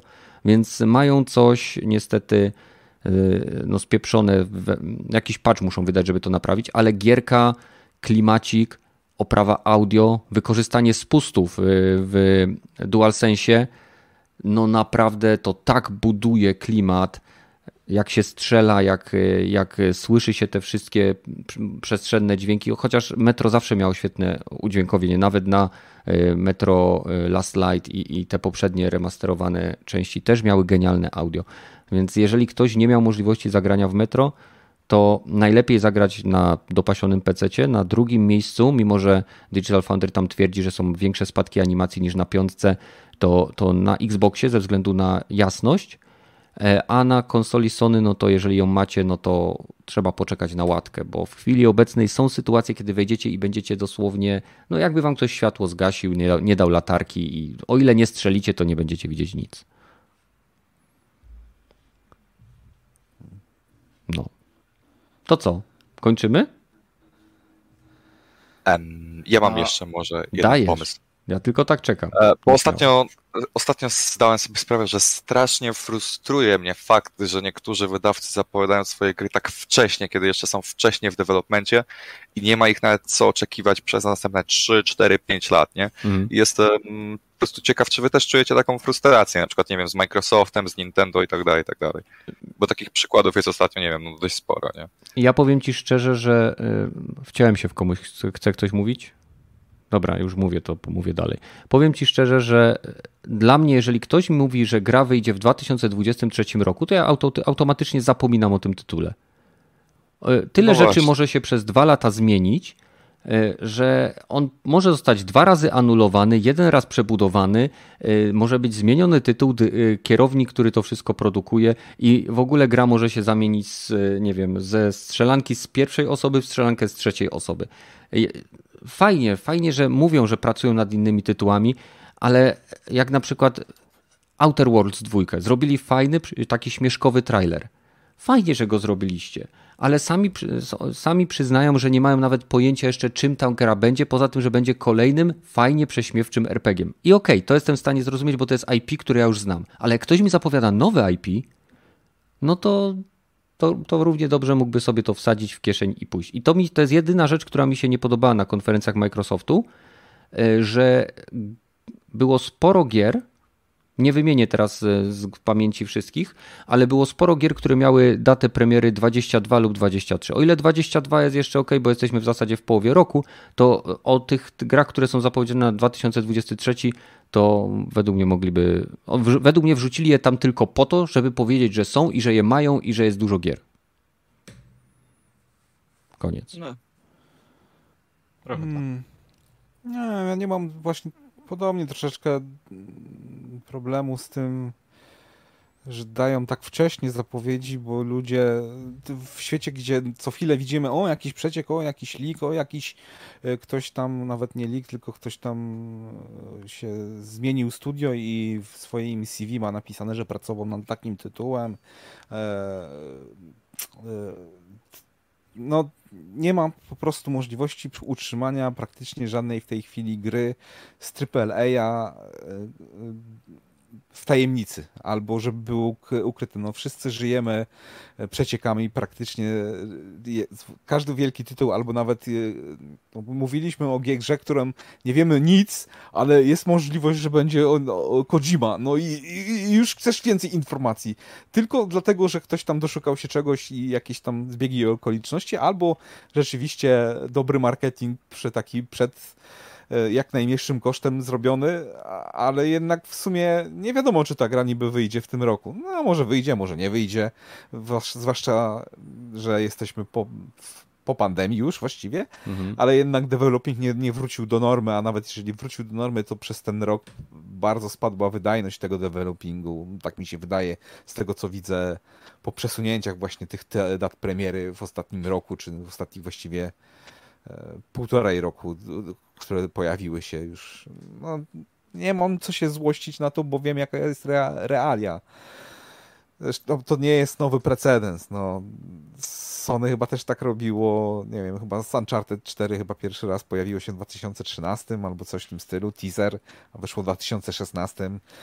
Ech, jakoś nikt nie narzekał na to, że musi tyle czekać na, na grę, mimo że wiadomo, że będą ją robić już od tak dawna. Mhm. Em, Badel, coś chcesz dorzucić? Nie. Nie? Okej. E, Co sądzicie o plotkach związanych z remake'iem e, Dead Space? Fajnie. Grałeś Znaczy, Badel? Ja w Dead Space'a tak, kupiłem go sobie kilka lat po pre premierze na PlayStation 3 Mhm. i 10 minut mi zajęło, żeby go wyjebać z konsoli. Aż tyle? Dlaczego? No właśnie, w- sensie tak sobie, bo zobaczyłem tego skurczybyka, jak wstaje z tej ziemi, odstrzeliłem mu tam jedną kończynę, drugą i mówię, dobra, dobra, najgorsze za tobą, ale jak się jeszcze tam kilku pojawiło, to nie, to, to jest bez sensu w ogóle, to jest bez sensu. Aha, Przestały na mnie działać czyli- moje magiczne sztuczki. Rozumiem. Tak, Czyli nie jesteś klientem docelowym. Nie wiem, kiedykolwiek byłem, jakiegokolwiek. No nie wiem, nadawałeś te horrory, więc ludzie czekają na więcej, więc staram się podpuścić ciebie, żebyś kupił kolejny horror i zaczął go nadawać. Bardzo, bardzo dobrze. Ludzie też czekają na giereczkowe nowości. Wiesz co? No właśnie. Proszę, Badyl, youtuber, tak szanuje swoich widzów. Pozdrawiam serdecznie te sześć osób, które mi uciekło z moich subskrybentów. Mam nadzieję, że się będzie się smażyć w piekle. Dokładnie, Czy przynajmniej jest szczery. Tak jest. Hmm. Y, czy ktoś jest w ogóle zainteresowany remake'iem, czy uważacie, że EA to spieprzy? To drugie. Jestem pierwsze zainteresowany, drugie jej to zjebie. że... W pakiecie będzie. No jakby było nawet w pakiecie, to, to no nie wiem, jak uważasz, y, już chyba obejrzałeś całą, albo nawet pograłeś trochę w Mass Effecta mm. trylogię, to nie jest jednak troszeczkę takie rozczarowanie, że nie chciałbyś czegoś więcej i nie chciałbyś się, żeby to zrobili lepiej, no widziałeś lepsze chyba remake'i w swoim życiu, jak to oceniasz teraz? Dla mnie y, Mass Effect jest remasterem, nie remake'iem, bo mm. tak naprawdę poza drobnymi tam remake'ami niektórych sekcji geometrycznych związanych y, z, nie wiem, z usunięciem jakiejś ściany, bo się teraz szybciej rzeczy wczytują, czy poprawą loadingu.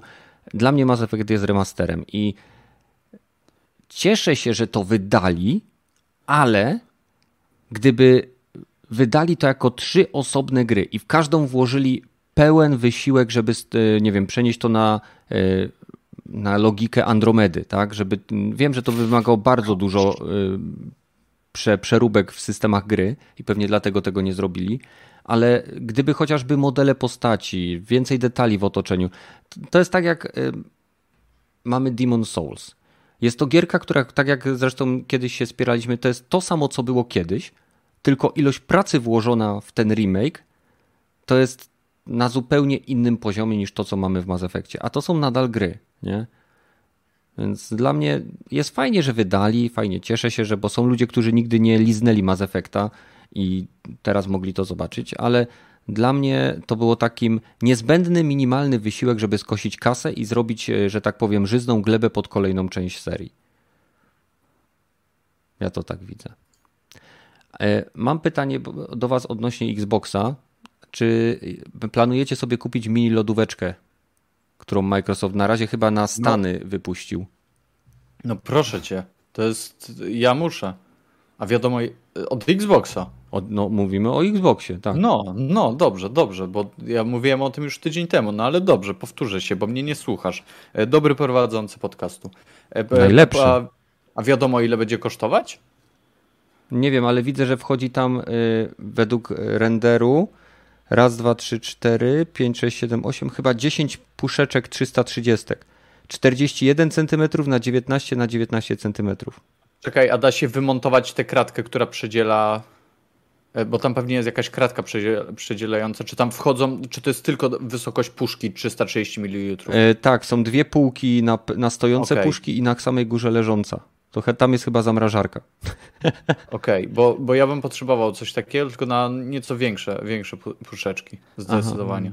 Aha, aha, To, Ale słuchaj, to, to nic z tego. Ja zawsze chciałem mieć taki gadżet, w sensie wow, będę miał coś Xboxowego. Hmm. Postawię na konsoli.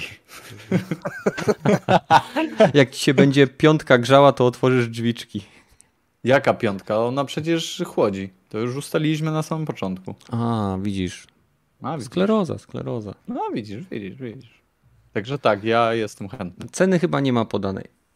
Ale nie, cena nie gra roli, umówmy się. No, no dokładnie. Badyl co drugi dzień kolekcjonerkę zamawia. Już zamówiłeś sobie kolekcjonerkę, zaraz co to było? Medium? Widziałem tam na Twitterze, podpytywałeś. No pytałem, pytałem, ale nie dostałem odpowiedzi. Zapytałem Koch Media, e, to są te chłopki chyba, tak? Od, mhm. Które to wydają, czy ktoś, ktoś inny, czy będzie posiadała fizyczną wersję e, w sensie tego pudełka, czy będzie to, to, to, to. E, pudełko, czy będzie sam Steelbook, no, ale nie otrzymałem odpowiedzi. Widocznie nie lubią, nie lubią mnie. No to, to ja też ich nie będę lubiał i kupię z wyprzedaży.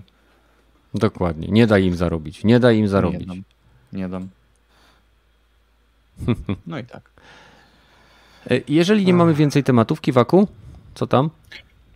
Masz jeszcze coś? Eee, nie, nie, nie, nic więcej nie wymyślę chyba. No i dobra.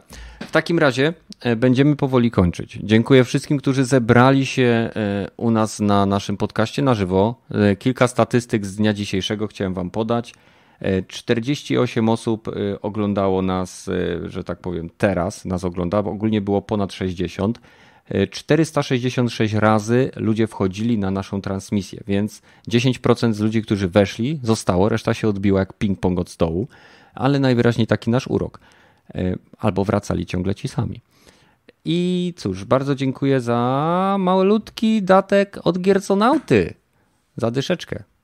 Pójdzie, pójdzie na e, nową kartę przechwytującą i dysk, żeby mógł lepsze analizy FPS-ów robić. E, I zapraszam Was, słuchajcie, do naszego Discorda. Link macie gdzieś tutaj. Czekajcie, zaraz już Wam wstawiam. Proszę bardzo. Nie, to jest akurat coś innego. Fuck. Em, Sekundka, zaraz Wam wstawię. A tak poza tym, to pamiętajcie, że na naszym Discordzie znajdziecie też całą gromadkę bardzo ciekawych osobliwości i osobistości, które tworzą swoje własne, e, swoją własną zawartość. Więc mamy gigretro.pl, Glitch, Gralingrad, Japspama, Lamistów, podcast giereczkowy, Raptora e, i podcast Push Start oraz Trigger Podcast, więc e, znajdziecie tam ich dedykowane pokoiki, gdzie wstawiają swoje e, materiały, czy to będą recenzje, czy to będą podcasty. Zachęcam Was, naprawdę mamy, tak jak mówię, dosyć w miarę prawie no nie, dobra, trochę normalną społeczność. Wydaje mi się, że normalniejszą niż niektóre Discordy, które miałem okazję odwiedzić, które są takim e, miksem, więc po prostu wpadnijcie. Nie zapomnijcie też dać lajka, komentarza e, i tego wszystkiego, co karmi ten paskudny algorytm YouTube. Dzięki temu, wiecie, podcast rośnie w siłę. A z naszej strony to już wszystko. Dziękuję Badylowi, Kiwaku i Rogatemu, że znaleźli dzisiaj czas w tym upale. Życzę Wam chłodniejszych dni i do zobaczenia w kolejnych odcinkach tak szybko, jak to będzie możliwe. Trzymajcie się, cześć. Pa, pa. Dobranoc.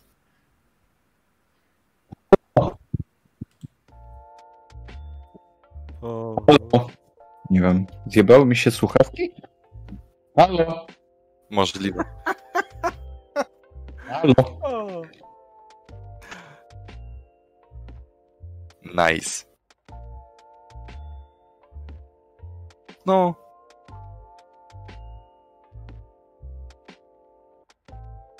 Jebać batyla! Krakusa, syna, jebać badyla! Krakusa, skurwysyna.